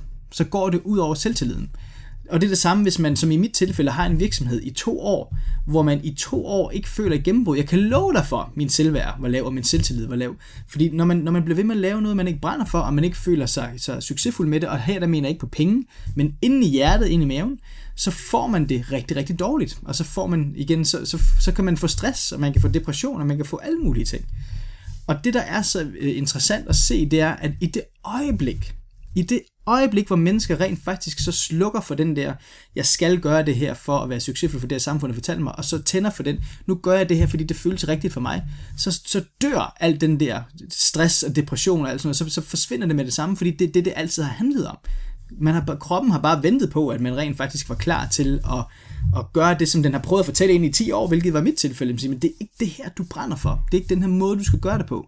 Der er noget andet, du er bedre til, og det skal du finde, og det var så det, jeg var 10 år om at finde. Og det er så også her, mange af dem møder, jeg snakker også rigtig meget med jobledige, og folk, der er uden for job, eller skal videre til noget nyt. Jamen nu er jeg jo her. Mm. Og mange mennesker, de kan, man kan, jeg kan se det på mig, jeg selv har haft det sådan. Oh, det er sådan lidt, åh, oh, jamen altså, for filan. Præcis. Nu jeg sidder jo i det her job, og jeg synes egentlig ikke, altså jeg har noget med skulderen, og åh, jeg synes min økonomi, jeg har et gammelt hus, jeg kan komme af med, og jeg prøver at få det til at fungere, og der, der er rigtig meget, og åh, jeg er simpelthen så meget i tvivl, uanset hvor meget der ellers er i privatlivet, men jeg er sådan i tvivl om, hvor, hvor jeg skal hen. Ja. Hvordan fanden finder sig ud af, hvad jeg brænder for, og jeg kan jo ikke bare skifte retning. Altså, Nej, rigtig meget, det, sådan, det, den der, det, det føles som så stor en pukkel. Præcis. At det her med at tænke, jamen, hvad, hvad fanden brænder jeg så for? Hvordan finder jeg ud af, hvad mine talenter er?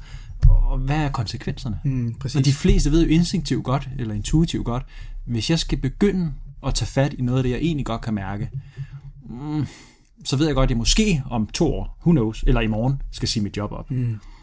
Så uanset om man gør det eller ej, det behøver det jo ikke være. Altså jeg kender mange, som bare fortsætter i samme branche, men har koblet deres, ligesom du gør, øh, deres passion på det. Ikke? Men det kan være rigtig stor pukkel at tage fat i.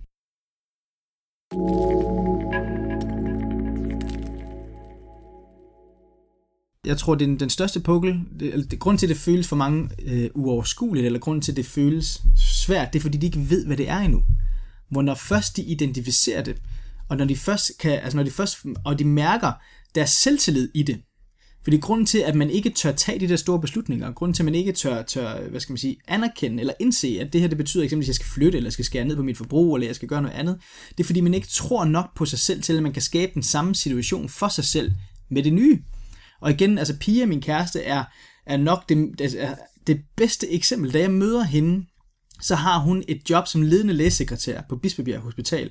Et job, hun har kæmpet for at få i 10 år. Igen, hun har været øh, lægesekretær, uddannet lægesekretær, øh, er blevet, hvad skal man sige, det er jo, det er jo da hun, da hun blev, blev hvad hedder det, da hun var færdig med skolen, så var det det, der var det rigtige for hende. Det var i hvert fald det, der var, var historien, øh, eller det var det, der var anerkendt at blive. Så hun har været, hun har været lægesekretær hele sit liv, og det sjove var, da jeg mødte hende første gang. Den allerførste gang, det var ikke engang en date, øh, men det var sådan første gang, jeg møder hende, så da vi, da vi er færdige Da du med... havde at- stalket hende nok, uden der, hun vidste det. Præcis, præcis, Ja. præcis.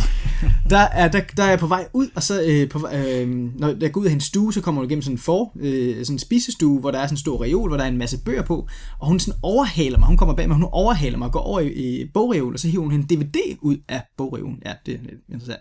Hiver en DVD ud, og siger, den her, Det er den også skal de du- færreste mennesker, der har en DVD-reol, er det ikke? Jo, det er det. Ja, godt nok. Nej, det har jeg faktisk haft. Men- Okay.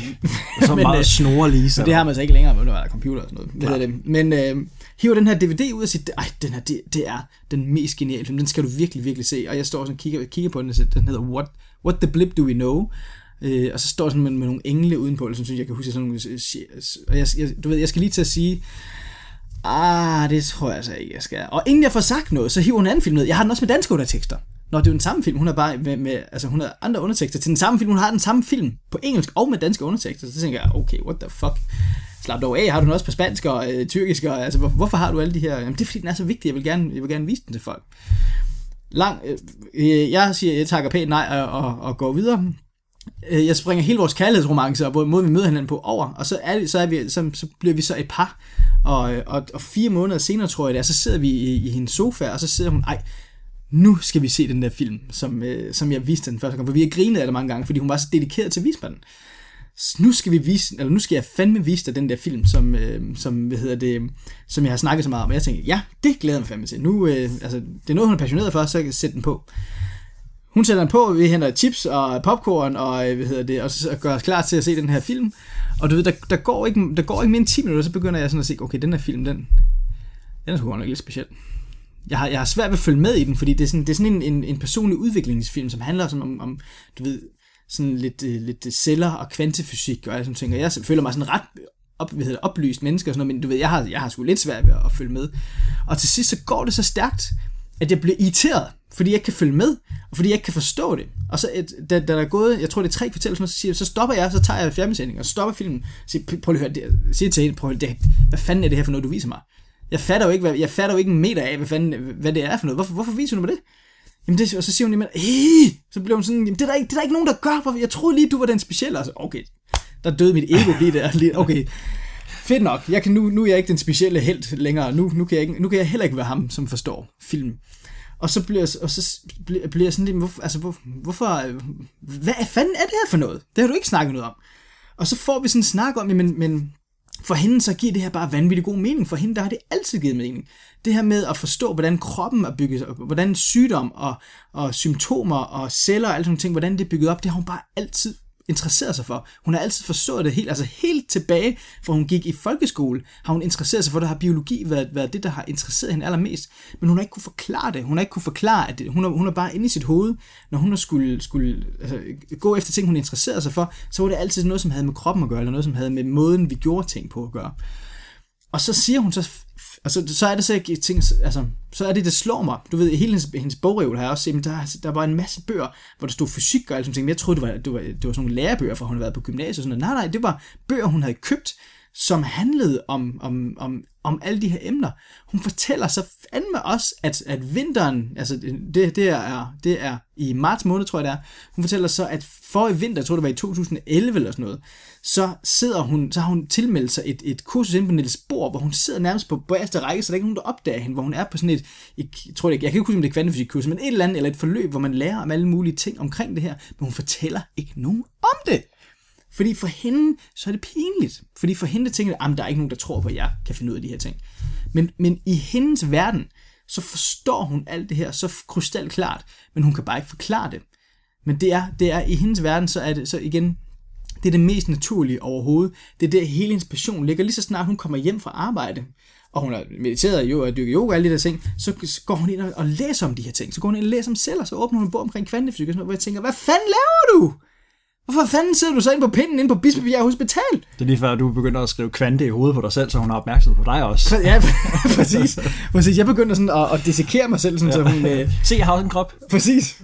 Men hun... Så lige pludselig tænker jeg, hvor, hvor, hvor, hvorfor laver du ikke det? Så, så jeg kan bare se på hende, hvor hun tænker, ja, hvorfor gør jeg egentlig ikke det?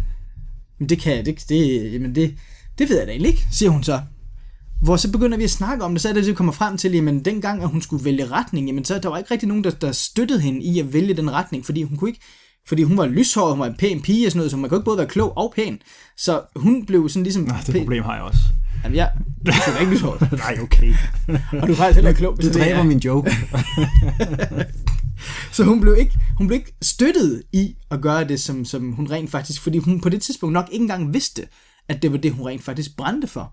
Men, men det, jeg har lært i mit arbejde med mennesker, når jeg, skulle, når jeg har skulle lære dem at finde ud af, hvad er det rent faktisk, der er der skjulte talenter, så spørger jeg dem altid, hvad er det, du læser om aftenen? Hvad er det for nogle emner, du søger om? Hvad er det for noget, der altid interesserer dig? Hvad er det, som, som, som, som vælter ud af dig, når du skal til at snakke om det? Det er de emner, som er, som, hvor, hvor, hvor der ved man bare, at det er der, hvor man har et skjult talent. Man ved, at det er noget af det, som, er, som man er skabt til at, at, at, at beskæftige sig med. Ikke nødvendigvis som et fuldtidsjob, men det kan også godt være som et fuldtidsjob. Men det er noget, som man, man virkelig er nødt til, altså som man skal tage alvor. Det er ikke, det er ikke tilfældigt, man interesserer sig for det. Det er det bare ikke, du er ikke tilfældigt pige interesseret sig for det. Så derfor, så blev det sådan, jeg sagde til dem, prøv at høre det her, det her, det blev, det blev du nødt til at tage seriøst. Måden, det var ikke bare sådan, at hun sad og sagde, men det her, det interesserer mig. Du, du kender det, du, du arbejder med mennesker, så jeg ved, du, du kender det. Du kan se, når, når lyset tænder i folks øjne, når de snakker om det, som de brænder for, så ved du bare, jamen så har du en pligt til at guide dem ud i den retning. Og det gjorde jeg også med Pia. Problemet med Pia er bare, at hun er lidt anderledes i forhold til så mange andre. Hun har ikke den der, hvad skal man sige, frygt for at manifestere ting, når de er rigtige. Så det er lige præcis det, det allerfedeste ved det er, at hun nærmest syv dage efter, så havde hun fundet ud af, hvilken uddannelse hun skulle tage, hvor hun skulle tage den henne, og i hvilken retning hun skulle gå, og, og, og, hvilken, og hvad hun så skulle blive den sidste ende. Så 1, 2, 3, og det, this is a fucking true story. 1, 2, 3, så, så sælger hun sin lejlighed for at flytte i nogle billigere, eller vi, vi flytter sig sammen, flytter i nogle billigere, i, hvad hedder det, billigere bolig, for at hun kan begynde at studere igen. Hun opsiger sit vildt, vildt øh, hvad hedder det, attraktive job, som hun har kæmpet for i lang tid, og sidder lige nu og studerer på VUC i Holbæk, fordi at hun skal have nogle, nogle fag parat til, hun skal ind på, øh, på hvad hedder det, universitetet og, og, øh, og blive øh, selvbiolog. Det er så der, hvor hun er lige nu, og jeg kan love dig for, bare i den korte periode, hvor hun har været i gang med at læse nu, måden hun måden hun kommer hjem hver evig eneste dag, hvor hun føler, at, at hun, hun, hun vækker mere og mere og mere af sig selv, mere og mere sin forståelse. Alt det, hun var bange for. Hun var bange for, at hun kunne forstå fysik eksempelvis. Igen, hun er ikke klog jo. Hun er blondine, og man kan ikke både være blondine og klog samtidig. Hun, hun var bange for fysik, og hun var bange for matematik. Lige præcis de to fag er hun vanvittigt dygtig til. Sjovt nok, lige præcis. Så hun har været bundet lidt lagt hun har været under bundet... for forestilling om, at kvinde pæn, lyshåret, Præcis. matematik og fysik. Jeg, tæ- jeg tænker også, at der er mange piger måske, som også kender at øh, være bange for deres matematiklærer, fordi han siger, at det kan du alligevel ikke finde ud af. Jeg har faktisk haft en klient, som har sagt det, Mhm. mm-hmm. hvor læreren har sagt til hende, ja, men du er også en pige. Ja, fedt. Prøv at tænke på som ung pige på fem år. Nej, der, der går du ikke i skole. jo, For helvede. en mentorpige. I femte klasse, for det at vide, ikke? Det sætter sig jo, ligesom du med Det din det, det far. gør. Det satte sig tidligt, er at lige han, præcis det, det, det svigt, Det er det, det gør. at du havde en forestilling om, hvordan det skulle være. Præcis.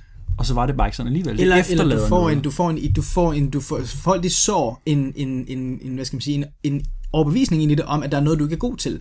Igen, jeg har arbejdet med personlig branding, og specielt meget med selvstændig, og meget af det, man, man arbejder med i personlig branding, er det at kunne kommunikere, det at kunne form- formulere sig selv på den måde, som man nu engang er. i Fortalte for- du ikke også mig på et tidspunkt, at hun rent faktisk i mange, mange år, altså for lang tid tilbage, ville være selvbiolog? Jo, piger. Ja. Jo, men hun har altid drømt om det. Siden Altid hun var helt lille? Yes, eller yes, agtig? yes. Eller i hvert fald lige, lige sådan, Det er hun også en vigtig krølle, at hun hun ikke bare nu fandt ud af det, men hun har, det er sådan det, jeg sad og tænkte, der var interessant ved det, at hun har altid ville være det. Præcis. Men hun nu- valgte så at læse sekretær, for det var lidt mere sådan. Men det, men det vigtige er at forstå, det er, at hun, hun, har ikke, hun har ikke stået valg, hun har ikke, hun har ikke truffet valget imellem, mellem selvbiolog og lægesekretær. Fordi hun i hendes verden, så var det slet ikke en option at blive selvbiolog overhovedet. Hvor det hun egentlig bare havde brug for, og det, det, og det, er det, det var tilbage til det, vi startede med at sige, når først, man, når først man ser det, man er god til, og når man så virkelig opdager, at man har, at man har, hvad skal man sige, man har evnerne til det, så bliver man villig til at opgive det, der skal til. Fordi så, så stoler man lige pludselig til, stoler på sig selv nok til at vide, jamen det her, det kommer jeg til at blive sindssyg til. Fordi jeg er så god til det i forvejen. Hvor igen, cellebiologer i dag, igen, der er jo rigtig, rigtig mange, som ikke engang har en en procent af den forståelse for, for det, som piger helt naturligt har. De er nødt til at træne sig selv til det igennem repetition, igennem, igennem læring af stoffet, hvor piger, hun forstår allerede helt det hele fra starten. Hun skal, bare forstå, hun skal bare forstå teorien. Det er jo interessant, og det er jo det, jeg altid har gjort i min hele uddannelseslivet. Jeg har altid fået topkarakterer. Jeg fandt ud af, jeg har altid været god til at se systemer. Ja. Jeg har altid været god til at lære, hvad vil læreren have? Mm. Hvad var det, man skulle kunne til eksamen? Ja. Hvordan kunne jeg, okay, det er den formel, man bruger til det her, det er den udregning til det her, og så fandt jeg ud af, hvornår skal jeg bruge hvad. Ja. Og det var sådan, når jeg sad og kiggede på inde på, da, på ingeniørstudiet, han havde hans øh, mappesystem, ikke? det var en stor bunke af fire papir, hvor alle fag bare lå oven i hinanden, ikke? og jeg tænkte bare, what, hvordan kan du holde styr på det? Fordi jeg skulle have det inddelt i fanebladet med alle overskrifter, datoer, fuldstændig Altså, du er også lidt snorlige. perfektionist. Det er jeg. Øh, for overhovedet kunne holde styr på det. Mm. Naturligt for ham, så kunne han bare lige sidde, Nå, men det er det, det er det, okay, så gør vi sådan, så gør vi sådan, bum, så fik han 13. Det lå ikke naturligt til mig. Jeg måtte arbejde og sætte systemer op for at kunne finde ud af det. Ja. Jeg blev god til det på grund af det. Mm-hmm. Men hver gang, at jeg, jeg kan huske som ingeniør, sad derude, og det, altså det er matematik på højt niveau, vi har for at, komme det, for at kunne blive ingeniør. Så sad jeg derude, og jeg skal lave toleranceberegninger, og jeg arbejder for et tidspunkt, på et tidspunkt for en mobilproducent, hvor jeg lavede deres, var med til at designe deres mobiltelefoner. Og så skulle der tolerance er ret vigtig, fordi at det betyder det, det i forhold til, hvordan øh, overlappet er mellem de forskellige dele i telefonen. Og hvis to ting de øh, ikke rigtig passer sammen, klart, så kan din knaptelefon eller din klaptelefon ikke virke. Så der skal så lidt til. Så det vil sige, at de beregninger skulle jeg jo lave. Men jeg kunne ikke rigtig lide det. Jeg kunne huske, at jeg tænkte, jeg, jeg er egentlig ikke særlig god til det. Nej. Og de sagde, men nu kan du bare øh, sidde og lave toleranceberegning. Det har du lavet masser af på studiet. Mm. Jeg var bare sådan, nej, det, det her gider jeg ikke. Jeg tænkte, jeg, kan egentlig, jeg synes ikke, det er fedt. Så jeg synes ikke, det er sjovt. Og igen, og, og, det, og det er så interessant, Men fordi du min- kan træne dig selv i at blive god. Præcis, jeg havde Til- trænet noget bestemt, men jeg havde ikke substansen nede i min krop. Jeg havde ikke fornemmelsen for det. Du har ikke flere for det. det Præcis. Og det, og, det, er det, og det er præcis det, der er så vigtigt at forstå, at, at du har noget, du har flere for, som kommer der naturligt, som ham du sad ved siden af, som har en bunke papir. Han, papirerne har han egentlig bare, uh, fordi så, så ser han ud, som om han studerer.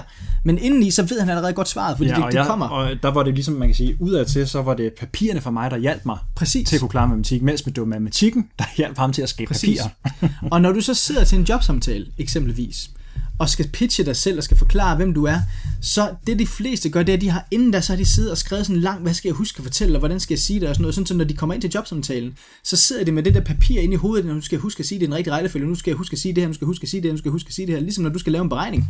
Jeg skal huske at bruge den her, jeg skal huske at bruge den her, jeg skal huske. Når man skal huske noget hele tiden, så stresser man fuldstændig ud, når man sidder, øh, uanset om det er over for en arbejdsgiver, eller om det er over for en kunde, når man, når man skal, hele tiden skal huske, om det, man siger, er rigtigt, og man ikke har tillid til sig selv, og den måde, man nu fremfører det på, så er det, man dør af stress. Hvorimod, hvis du, ligesom ham, som du snakker om, ham, som du havde ved siden af på studiet, han, han, vil, han vil igen, han vil ikke have alle sine beregninger med. Han ved intuitivt, intuitivt, hvordan det skal gøres. Hvor du er nødt til at have systemtænkning, du er nødt til at have hjernen med til at gøre det hvor der er mennesker, som jeg arbejder med igen, som, som når de skal holde et foredrag, så står de som et, igen, et, et stift bræt, når de skal stå og formidle, og de står med en powerpoint med 9.000 slides, fordi det er den eneste måde, de kan huske alt det, de nu skal sige på, fordi det hele, det hele deres setup, de mennesker er dem, som får det, den laveste, hvad hedder det, den laveste rating af deres, af deres øh, hvad hedder det, er udbyttet af folk, fordi folk de kan ikke mærke foredragsholderen, fordi foredragsholderen er så pådut, eller for, altså forhippet på at lyde korrekt og lyde rigtigt. Hvorimod sådan en som Chris McDonald eksempelvis, nu ved jeg godt, det er et dårligt eksempel, fordi han er en trænet fordragsholder, men han var faktisk også god, før han var en trænet fordragsholder. Han bruger sig selv, han bruger sin power, han står med en flip over, hvor der ikke står noget, og så snakker han om det, der lige virker rigtigt i situationen. Prøv lige at forestille dig at have den, have den en, indstilling, at du går ind til en samtale, til en, til en jobsamtale, og du rent faktisk du ved ikke, hvad du skal snakke om, og du er også okay med det. De stiller dig nogle spørgsmål, og så stoler du nok på dig selv til, at det rigtige kommer. Så hvis jeg sad netop og skulle forklare et eller andet til en jobsamtale, eller til, til nogle andre omkring det, jeg brænder for, mm-hmm. eller omkring det, jeg laver, kunne, kunne en idé så være, at jeg faktisk begynder at tænke lidt mere over, hvad er det i det, jeg laver, som gør mig glad? Hvad er det i det, jeg laver, Oh, jo. som får mig tændt? Oh, jo. Hvad i det job, jeg har, den uddannelse, jeg har, er det, jeg interesserer mig mest for? Præcis. Og så holde fokus på det, og forsøge at dreje sin retning eller en samtale hen i det. Ja. Jeg har selv lært i hvert fald, at det at i talesætte, jeg arbejder med de ting her, som jeg ikke er så god til. Jeg er opmærksom på, at jeg har det her udviklingsområde. At det kan være en måde at imødekomme en arbejdsgiver på, fordi man ved det. Så man, jeg faktisk kunne slippe noget af min bekymring for, at jeg måske ikke lige var så god til det, kan vide, hvad de forventede af mig, og kan jeg nu det? Det var mine tanker ofte før i tiden. Så holdt jeg mere fokus på, i stedet for at sige, det er det her, jeg er, har min spidskompetencer indenfor. Jeg elsker at gøre det her, og når jeg gør det, så kan jeg se, så får jeg de her, de her resultater. Mm. Når der er problemer, så plejer jeg gerne at se den her vinkel. Ja. Jeg ved også godt, at i det faglige i forhold til det, der har jeg ikke lige så meget erfaring, men jeg stille og roligt de jobs, jeg har haft, der har jeg brugt rigtig meget krudt på at oparbejde øh, viden inden for det. Mm. Så jeg tror også, i det her job, så vil det være noget af det, I skal være opmærksom på. Mm. Så var Præcis. jeg bare ærlig. Præcis. Mens før i tiden, der ville jeg slet ikke sige det. Nej. Altså, og jeg turde jo ikke, da jeg skulle til jobsamtale, det drømmejobbet som ingeniør, jeg turde ikke sige, at jeg havde tinnitus. Mm. Jeg turde ikke sige, at jeg havde skulderskade. Jeg turde ikke sige, at jeg havde behov for et hæve Singapore. Det vidste jeg, jeg havde, Ja. for jeg kunne tage vare på mine skuldre. Ja. Jeg sagde det ikke. De Nej. spurgte mig endda, Ja, er der ja, noget ja. særligt, du har brug for? Jeg var Ja. bange for, at hvis jeg sagde det, som egentlig var mig, og bare stod ved, at men, for at jeg kunne udfolde mig, mm. så er det det her, Ja. at så ville de ikke tage mig. Ja, men, men I know totally what you mean.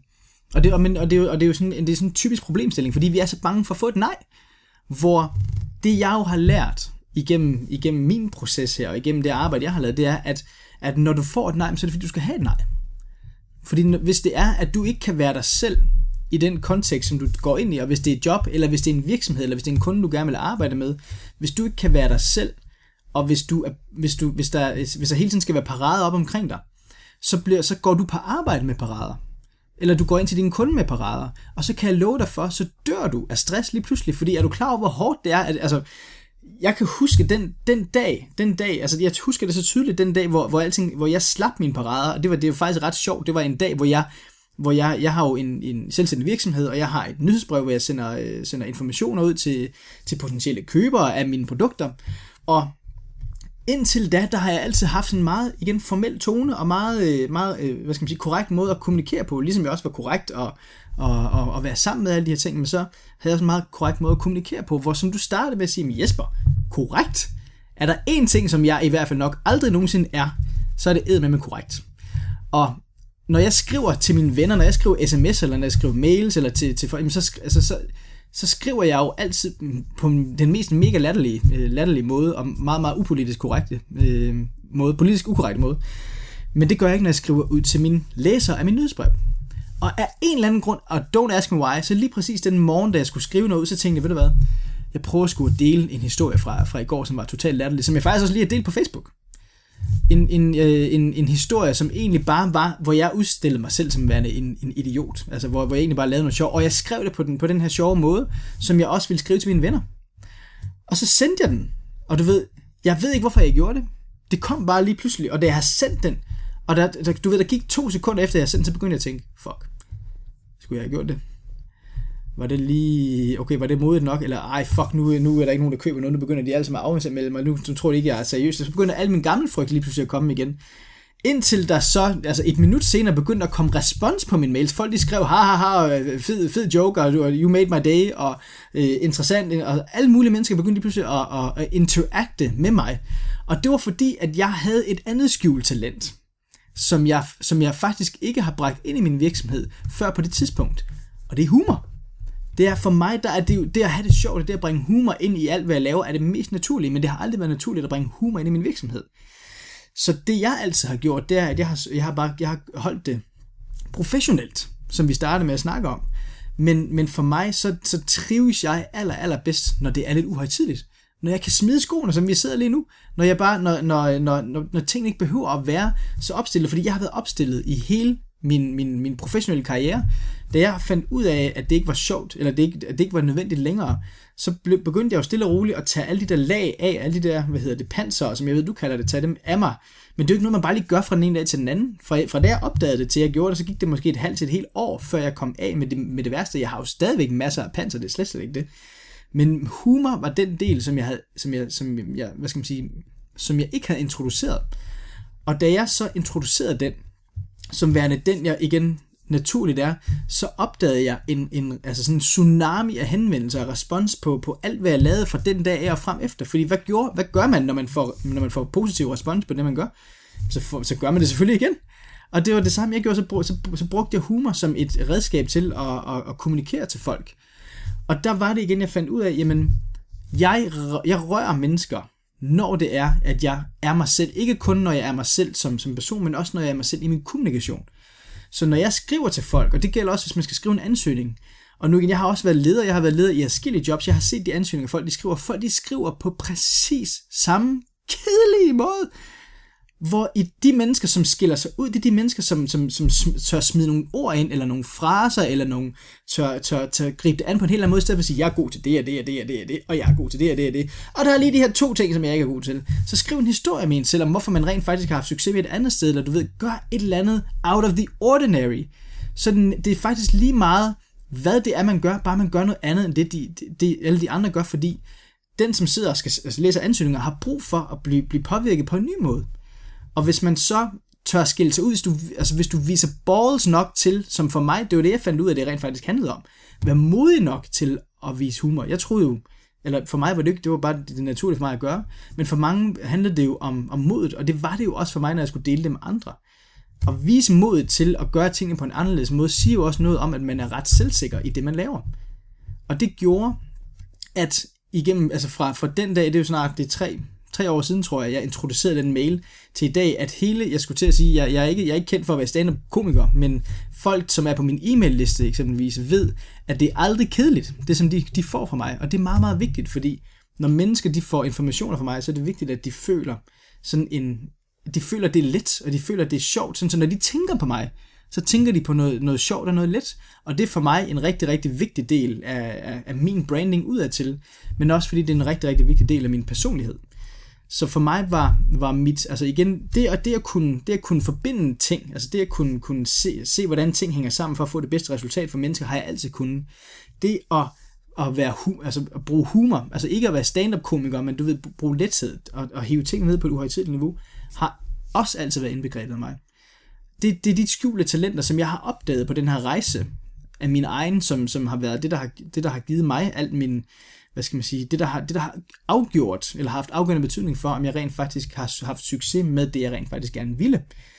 Så når alt kommer til alt, så, så, så det jeg også laver i dag, det er at hjælpe mennesker, når vi snakker personlig branding, med at finde de der skjulte talenter, fordi det kan være vildt svært, når det er, man er, man er fanget i det selv.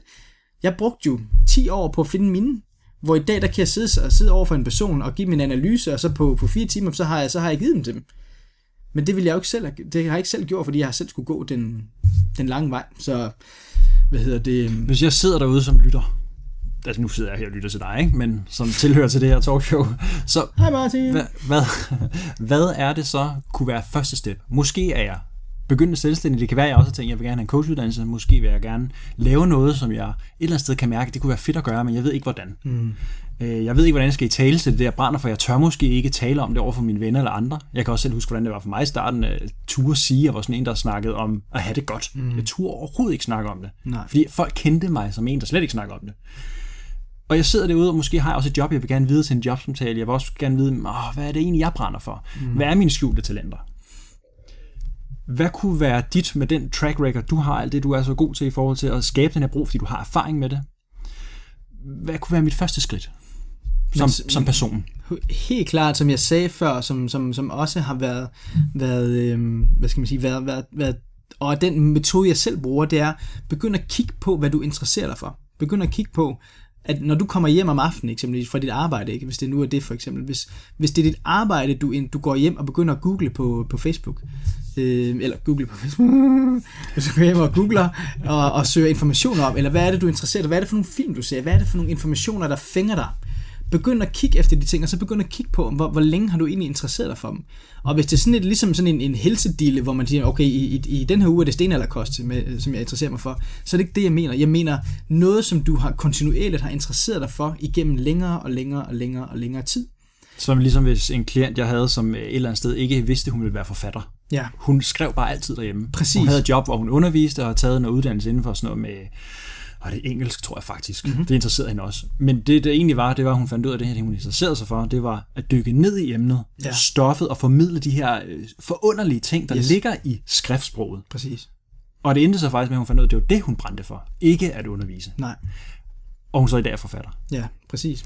Men hun er jo forfatter, og det, og det er det, der er så sjovt, at, at mange af os, fordi vi lever i den her kultur, vi skal have en uddannelse, før vi er noget. Hvor hvis du spørger mig, så er vi det allerede, når vi bliver født. Hun, hun var allerede forfatter, inden hun, altså inden hun skrev sin, sin første bog, fordi det er derfor, hun er her. Ligesom jeg også er vanvittig god til at skrive. Det, det, tro, det troede jeg ikke var, men det er jeg.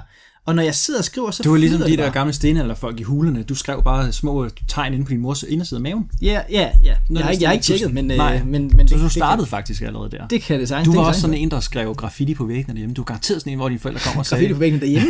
ja, Jamen, du er sådan en rebel, altså. Ja, det er rigtigt, men, ja. men jeg har godt nok ikke skrevet øh, graffiti øh, derhjemme, men øh, Andre steder. jeg kan godt have gjort det et andet sted. Men det er, men det, men det er en meget, meget vigtig pointe, for det er også noget det, jeg tit snakker med folk om, det er, at jeg havde også, jeg var, jeg var, jeg var ude at undervise på, øh, på en uddannelse, hvor, øh, hvor der også sad en, som hun var i gang med en, en øh, hun på musikkonservatoriet, tror jeg, det, eller Ja, Noget det med musik. tror jeg, det hedder. øh, hvor hun var i gang med at tage en, en musikeruddannelse. Og jo mere jeg, jeg ligesom snakker med hende for at finde ud af, hvor, hvorfor gjorde hun egentlig det, og sådan noget, så kommer det egentlig, det kommer egentlig eller det kommer tilbage til, at den eneste grund til, at hun tog den der uddannelse, var for at bevise over for sin far, at hun rent faktisk var god musikalsk. Hvor, han, hvor hele hendes liv, fordi hendes far var, jeg tror det var advokat, eller hun, hun var, han, han var et eller andet, som i hvert fald ikke var kreativ. Så har han sagt, ej, men du, det der, det, det er du ikke god til, og det kan man ikke. Og, og hvis du endelig skal, så skal du have en uddannelse, fordi du kan ikke før, at du har en uddannelse. Hvor at hele hendes liv, og hele hendes, øh, øh, igen, eller ikke hele hendes liv, men i hvert fald meget af hendes liv, har hun skulle kæmpe med, at hendes far ikke har støttet hende i det, som inde i hende har føltes helt naturligt at gøre. Og det er derfor, at, at mange af os går rundt med den der, den der, det der loft over os, som siger, jamen for at kunne gøre det, for at kunne bruge dit talent, så skal du have en uddannelse for det. Hvor jeg siger, nej, det skal du ikke. Men i nogle tilfælde kan det være en fordel. Mm. For eksempel i Pia, min kæreste tilfælde, er det en fordel, fordi hun kan det, hun, det hun, hun kan. Altså hun, hun forstår det, men hun forstår ikke teorien. Så hvis ikke du kan forklare det også, hvis ikke du også teoretisk ikke kan sætte det sammen, så kan det skabe nogle begrænsninger i forhold til din måde at arbejde med det på. Men der er nogle, for eksempel kreative fag, eksempelvis, der, er- der er så rigtig mange ting, du ikke behøver en uddannelse. Jeg har, jeg har arbejdet med kommunikation snart professionelt, og rådgiver mennesker i, hvordan de skal, hvordan de skal kommunikere deres virksomhed, hvordan de skal kommunikere deres, altså deres pitch, hvordan de skal sælge sig selv. Jeg har aldrig taget en, en, en, en kommunikationsuddannelse, men alligevel kommer mennesker, med, altså journalister, og der kommer, hvad hedder det, PR-folk og sådan noget, kommer og spørger mig, om jeg ikke vil hjælpe dem med at skrive. De har en kæmpe lang kommunikationsuddannelse. Så du har øvet dig og øvet dig og øvet dig og er passioneret omkring det. Jeg har øvet mig, men jeg har flere for det, fordi det er et talent, jeg har. Det er, det er et talent for mig at skrive, det er et talent for mig at formidle. Ligesom det var for din forfatterklient, øh, klient, så for hende, så det at skrive kommer helt naturligt. Så, hvad, så hvis jeg begynder, første skridt kunne være, begynder at være mere opmærksom på, hvad er det egentlig, jeg interesserer mig for. Yes, præcis. Kigge mere, fokusere mere og mere på det. og hvad, hvad er, egentlig- det, du har interesseret dig for? Faktisk endnu vigtigere. Hvad Kig, kig bagud og se, hvad er det, hvad er, hvad er, øh, hvad skal man sige, hvad er øh, den røde tråd imellem alle de ting, som, som, du, som du har interesseret dig for? Fordi så er det, du kan begynde at, at kigge efter, hvad er det så for et emne? Hvad er det for et område? Hvad er det for en form? Så begynder tingene lige pludselig at, at, at, at, ja, at tage form. Hvad kunne være næste step? Næste step er jo så at sige, hvordan kan jeg så, øh, hvordan, hvordan, kan jeg, hvordan kan jeg tage det her, som jeg nu kan, og så integrere i, i den verden, jeg nu har. Hvor nogen eksempelvis, men hvis du lige, hvis, hvis, hvis du er i, i, i, hvad skal man sige, hvis, hvis du ikke helt kan finde ud af, hvordan du, du øh, hvad hedder det, som, som din forfatter øh, klient eksempelvis, du bliver ikke bare lige forfatter, bare fordi du, du, du er god til at skrive. Så, så, så, men, så hun er nødt til at have et job, imens hun rent faktisk øh, Sådan har det også været. så, så, hun kan, så hun kan, hvad skal man sige, støtte sin forfattergærning. Men det, man, det, der så er vigtigt, det er, at man har et job, som ikke dræner en mentalt. Og med det mener jeg, at, at rigtig mange går ud og tager et job, som de ikke er glade for, sådan så de kan, sådan så de kan have en, så de kan bygge deres, hvad skal man sige, der- deres drømmekarriere ved siden af. Eller så de kan, så de kan, så de kan hvad hedder det, øh, ja, gøde, gøde i jorden for, for, for deres drømmekarriere. Problemet er bare, at hvis du har et job, som kræver meget af dig mentalt, så har du ingen kreativ energi til så rent faktisk at gå hjem og så, og så vokse det, som du rent faktisk, øh, det, som du rent faktisk brænder for. Så måske afsøge andre jobmuligheder inden for det, du laver. Måske gå lidt ned i tid og justere økonomi i, i de private, så der er råd til det. Eller hvis du faktisk nogenlunde er tilfreds med det, du laver, så bare begynd at gøre mere af det, du faktisk kan lide Præcis. i din fritid. Og så et step som for, forfatteren her, det var jo netop også, at vi talte om, hvad, kan du, hvad er det mindste, du kan gøre? Hvordan kan du starte det her op? Fordi lige nu vil du gerne være forfatter. Altså allerede i morgen er du færdig i hovedet. Men sådan virker verden bare ikke. Det tager lidt tid. Yes. Så det hun begyndte, vi snakker om, det var, at hun skulle stille og roligt begynde at bare gøre det mindste. Så viser det sig, at hun har en hel bog næsten skrevet. Ja. Hun har bare gået med den i flere år, ikke? Ja, Ja, og de turde ja, ja. give den ud til verden. Og er du klar over, hvor mange mennesker, der har de der hemmelige ting, som de ikke viser til nogen? Det behøver Jeg er en, jeg kender, som øh, tegner rigtig meget, mega dygtig til det, og passioneret omkring børn. Hun har nærmest en børnebog, mm. som øh, med de fedeste tegninger, hvor hun har taget øh, børnenes umiddelbare, det hun vil have, de vil have, hun skal tegne. Ja. Ja. Hun tegner ikke det, hun tror, når de siger prinsesse, eller en drage med tre tæer, og så har den blåt hoved. Så siger, hun- siger hun ikke bare, nej, det er ikke det. Nej. Den her skal ikke have blåt hoved. Så tegner hun lige præcis. Og hvis den skal have 27 haler, så har den 27 haler. Fedt. Øh, og det har hun lavet en børnebog ud af, en Ja. billedbog, ikke? Men hun tør ikke ud med den. Nej, nej, nej. Og så steppet for forfatteren i hvert fald, det var også at sige, men hvorfor ikke øh, lægge det op på nettet? Lav Ja. en blog.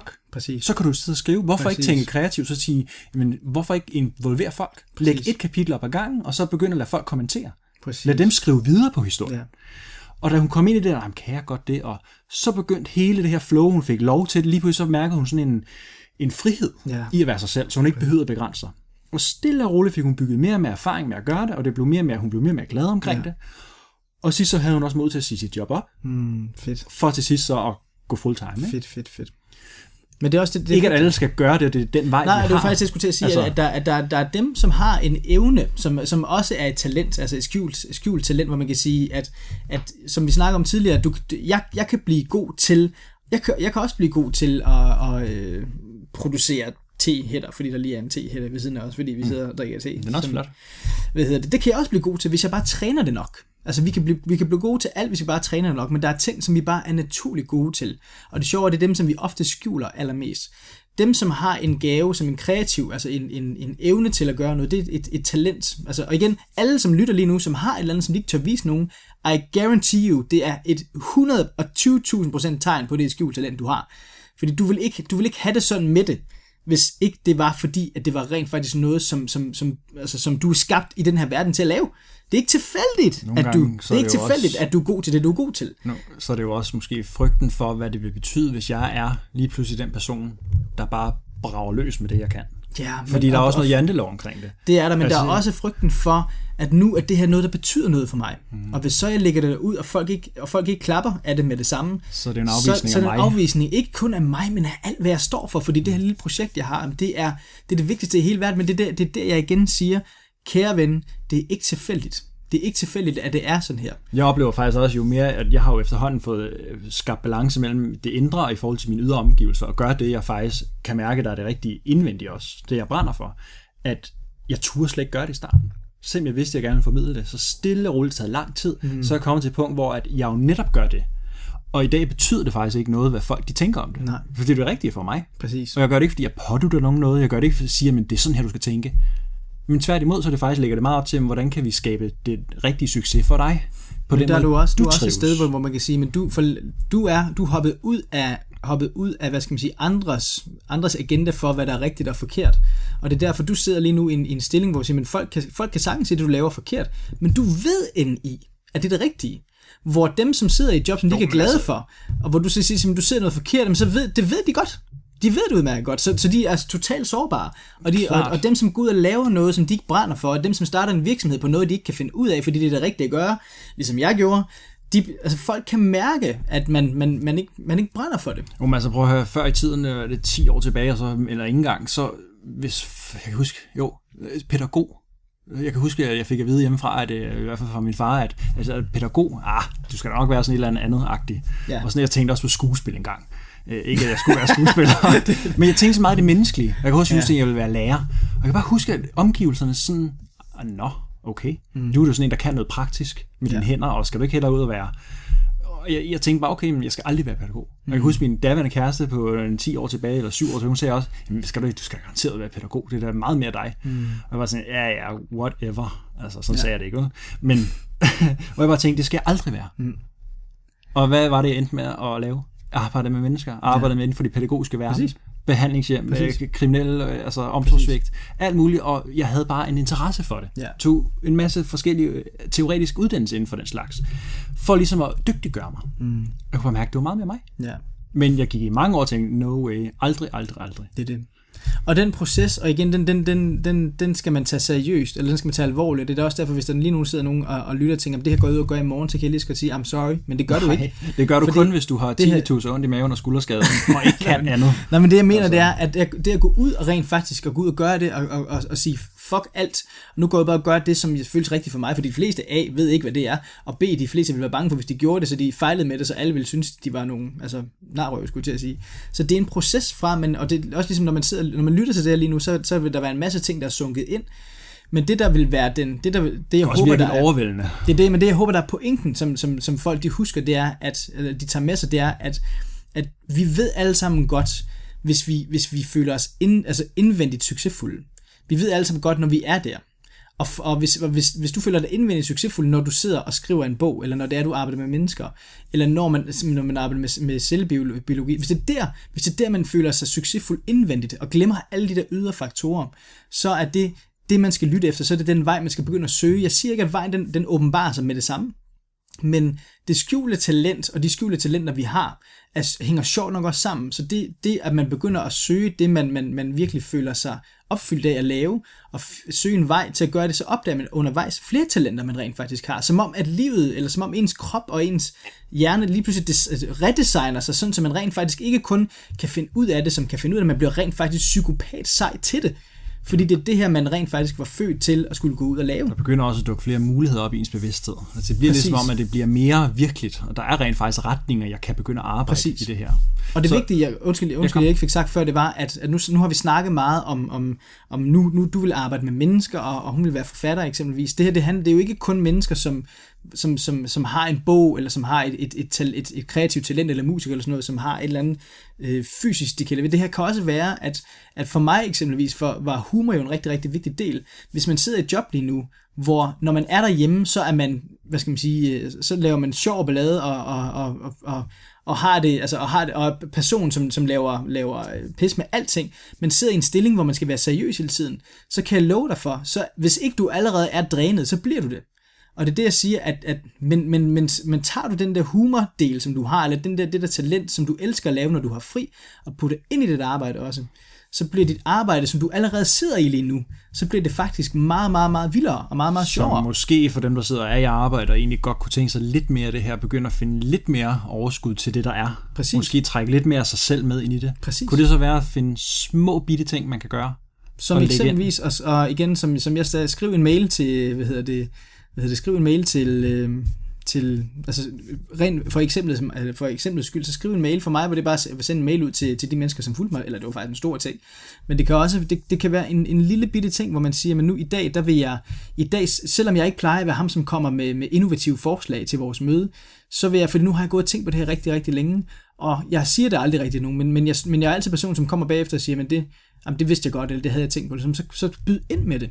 Åbn, åbn, åbn munden og sig, prøv at høre, og hvis du er bange for at blive, af, af, hvis du er bange for at blive afvist, når, når det kommer, så siger prøv at høre, jeg har tænkt over noget, jeg ved ikke, om I kan bruge det. Så allerede, hvis man starter med at sige det sådan, så har man allerede sagt, hvis man ikke kan, så er det, så er det okay. Og så kommer man med det.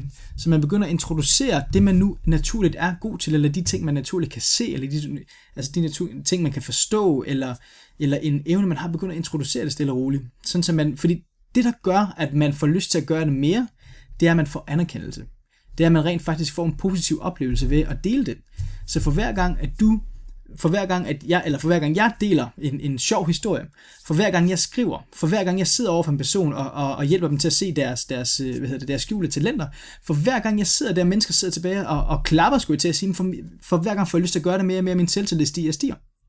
Og så en anden ting kunne være måske at søge de opgaver, man egentlig trives bedst med. Også Så det, begynder klart, at få flere og flere af dem. Præcis. Jeg kender mange efterhånden, som har gjort det, fordi de netop tænker, jeg skal gøre mere, som gør mig godt i Ja, dagligdagen. præcis. Og en del af det kunne også være på arbejdspladsen at sige, okay, men er der nogle af de opgaver, jeg får, jeg kommer til at sige ja til? Fordi jeg glemmer lige at huske, ah, det er måske ikke lige det rigtige for mig, og det kunne være bedre, at jeg får dem her. Flere af dem, fordi dem, har jeg, dem, dem er jeg bedst til Præcis. at lave.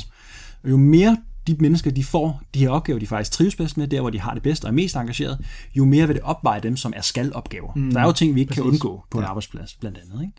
Så det giver lidt mere overskud til at tage Helt det. helt klart. Så måske tage den dialog med, med ledelsen eller med sine kollegaer. Hey, jeg, jeg elsker faktisk mest at lave det her. Jeg ved godt, jeg vil selvfølgelig også lave de andre.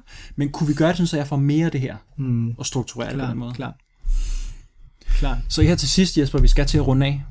Er det rigtigt? Det skal vi. Nej, jeg kan snakke hele. Ja, det ved jeg godt, og vi har snakket meget lang tid. Åh oh, gud. Det har været en fornøjelse. Hvad er det sidste, du vil runde af med, hvis du skulle sige noget? Jamen, jeg tror igen, jeg vil, jeg vil egentlig bare gentage pointen, at, at, at hvad skal man sige, at, at hvis, man, hvis man føler sig drænet af det, man laver i dag, eller hvis man ikke kan, hvis man, eller hvis man ikke, hvis der ikke, hvis der ikke er gennemslagskraft på det, man laver, så er det ofte fordi, at, at der er en del af en selv, som man ikke inkluderer i det, eller der er en stor del af en selv, som man ikke inkluderer i det. Og livet er designet så genialt, så, så indtil man begynder at gøre det, som man rent faktisk er kommet her for at gøre, og det er at vise, sin, at vise og bruge sine skjulte talenter, jamen så kommer man ikke til at have succes. Så hvis det er, at man gerne vil have det, så begynd at kigge efter, hvad er det egentlig, man brænder for at tage det seriøst, i stedet for at se det som værende en, en nice to have ting, så forstå, at det er det, som man rent faktisk er kommet for at dele, og hvis man er selvstændig, så er, det, så er det vigtigt, at du har en virksomhed, hvor du rent faktisk deler det, som er din, din skjulte talent, eller i hvert fald, hvor det inkluderer som en stor del af måden, du leverer dit budskab eller produkt på. Og hvis du er lønmodtager, så sørg for at have et job, hvor du rent faktisk kan kan blomstre med de talenter, du har. Så du skal ikke bruge dine din bedste talenter. Skal du ikke sidde om aftenen alene, som der ikke er nogen, der kan se. Det er, ikke, det er ikke meningen, at du har fået dem for, at du skal gemme dem. Det er meningen, du har fået dem for, at du skal bruge dem, så verden kan blive bedre. Så for alt i verden, hvis, hvis du er et sted lige nu, hvor du, hvor, du, øh, hvor, hvor du er i tvivl om det her, så begynd at kigge efter, hvad du interesserer dig for. Begynd at kigge efter, hvad, hvad det er, der er din, hvad skal man sige, din, øh, din, det, det, du, det, du naturligt har flere for, og det, som du, ja, det, du skjuler om aftenen, som ikke nogen må se. Begynd at tage det lidt mere seriøst, så, så skal du nok begynde, og så kan det måske være, at vores veje mødes på et eller andet tidspunkt, det er ikke sikkert, men det, det vigtigste er i hvert fald, at du begynder at søge, så øh, det tror jeg er det sidste, jeg vil sige. Okay. Jesper, hvor kan man finde dig henne? Det kan du på min, eller altså udover at vi er lige her på mit kontor, men så kan du finde mig på Det bliver min, svært at komme her, fordi når folk de lytter online, til det her, så ja. er det jo optaget på forhånd. Ah, good point. Det er jo, vi, bager, vi bager kagen, og så viser vi den til folk. Ah, good point. Good point. Men du, på min hjemmeside www.genkendt.nu, der, øh, og der vil jeg sætte utrolig stor pris på, hvis man, hvis man lige øh, dropper sit visitkort i form af sit navn og, og, øh, og e-mailadresse, skriver sig på min nyhedsbrev, så vil jeg gøre alt, hvad jeg kan for at fortsætte med at, at, at bringe mere af den her spændende information.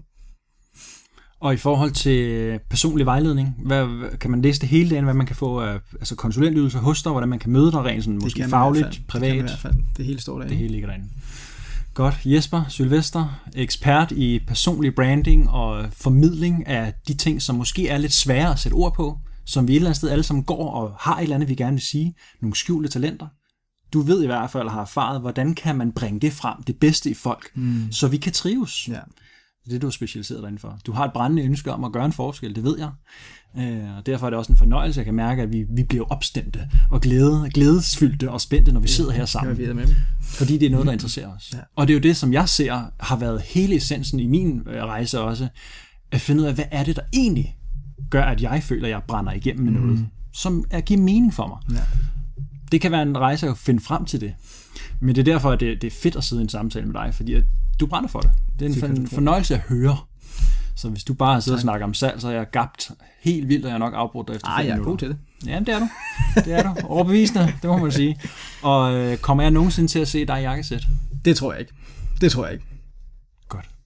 Så har vi en aftale. Jeg holder det op på det. Det er orden. Så jer, der lytter derude, tusind tak, fordi at I har mod på og tålmodighed til at lytte med, især i det her lidt, øh, lidt underlige indslag med mig og Jesper. Vi er begge to øh, nogle stand-up-komikere uden lige, især Jesper. Jeg håber, at øh, du kan bruge det til noget, og øh, vi ses bare på staytrue.dk. Du ved godt, hvis ikke jeg har sagt det allerede. Så på min hjemmeside kan du se under gratis inspiration, der ligger mit talkshow, som hedder Det Fundelige Hjørne, som du lytter til lige nu. Det handler om trivsel, det handler om livsglæde, om hvad der egentlig skal til for at have det godt. Jeg er så glad for, at du har lyst til at blive inspireret. Jeg er så glad for, at folk de har lyst til at dele deres ekspertise. Ha' det rigtig, rigtig godt.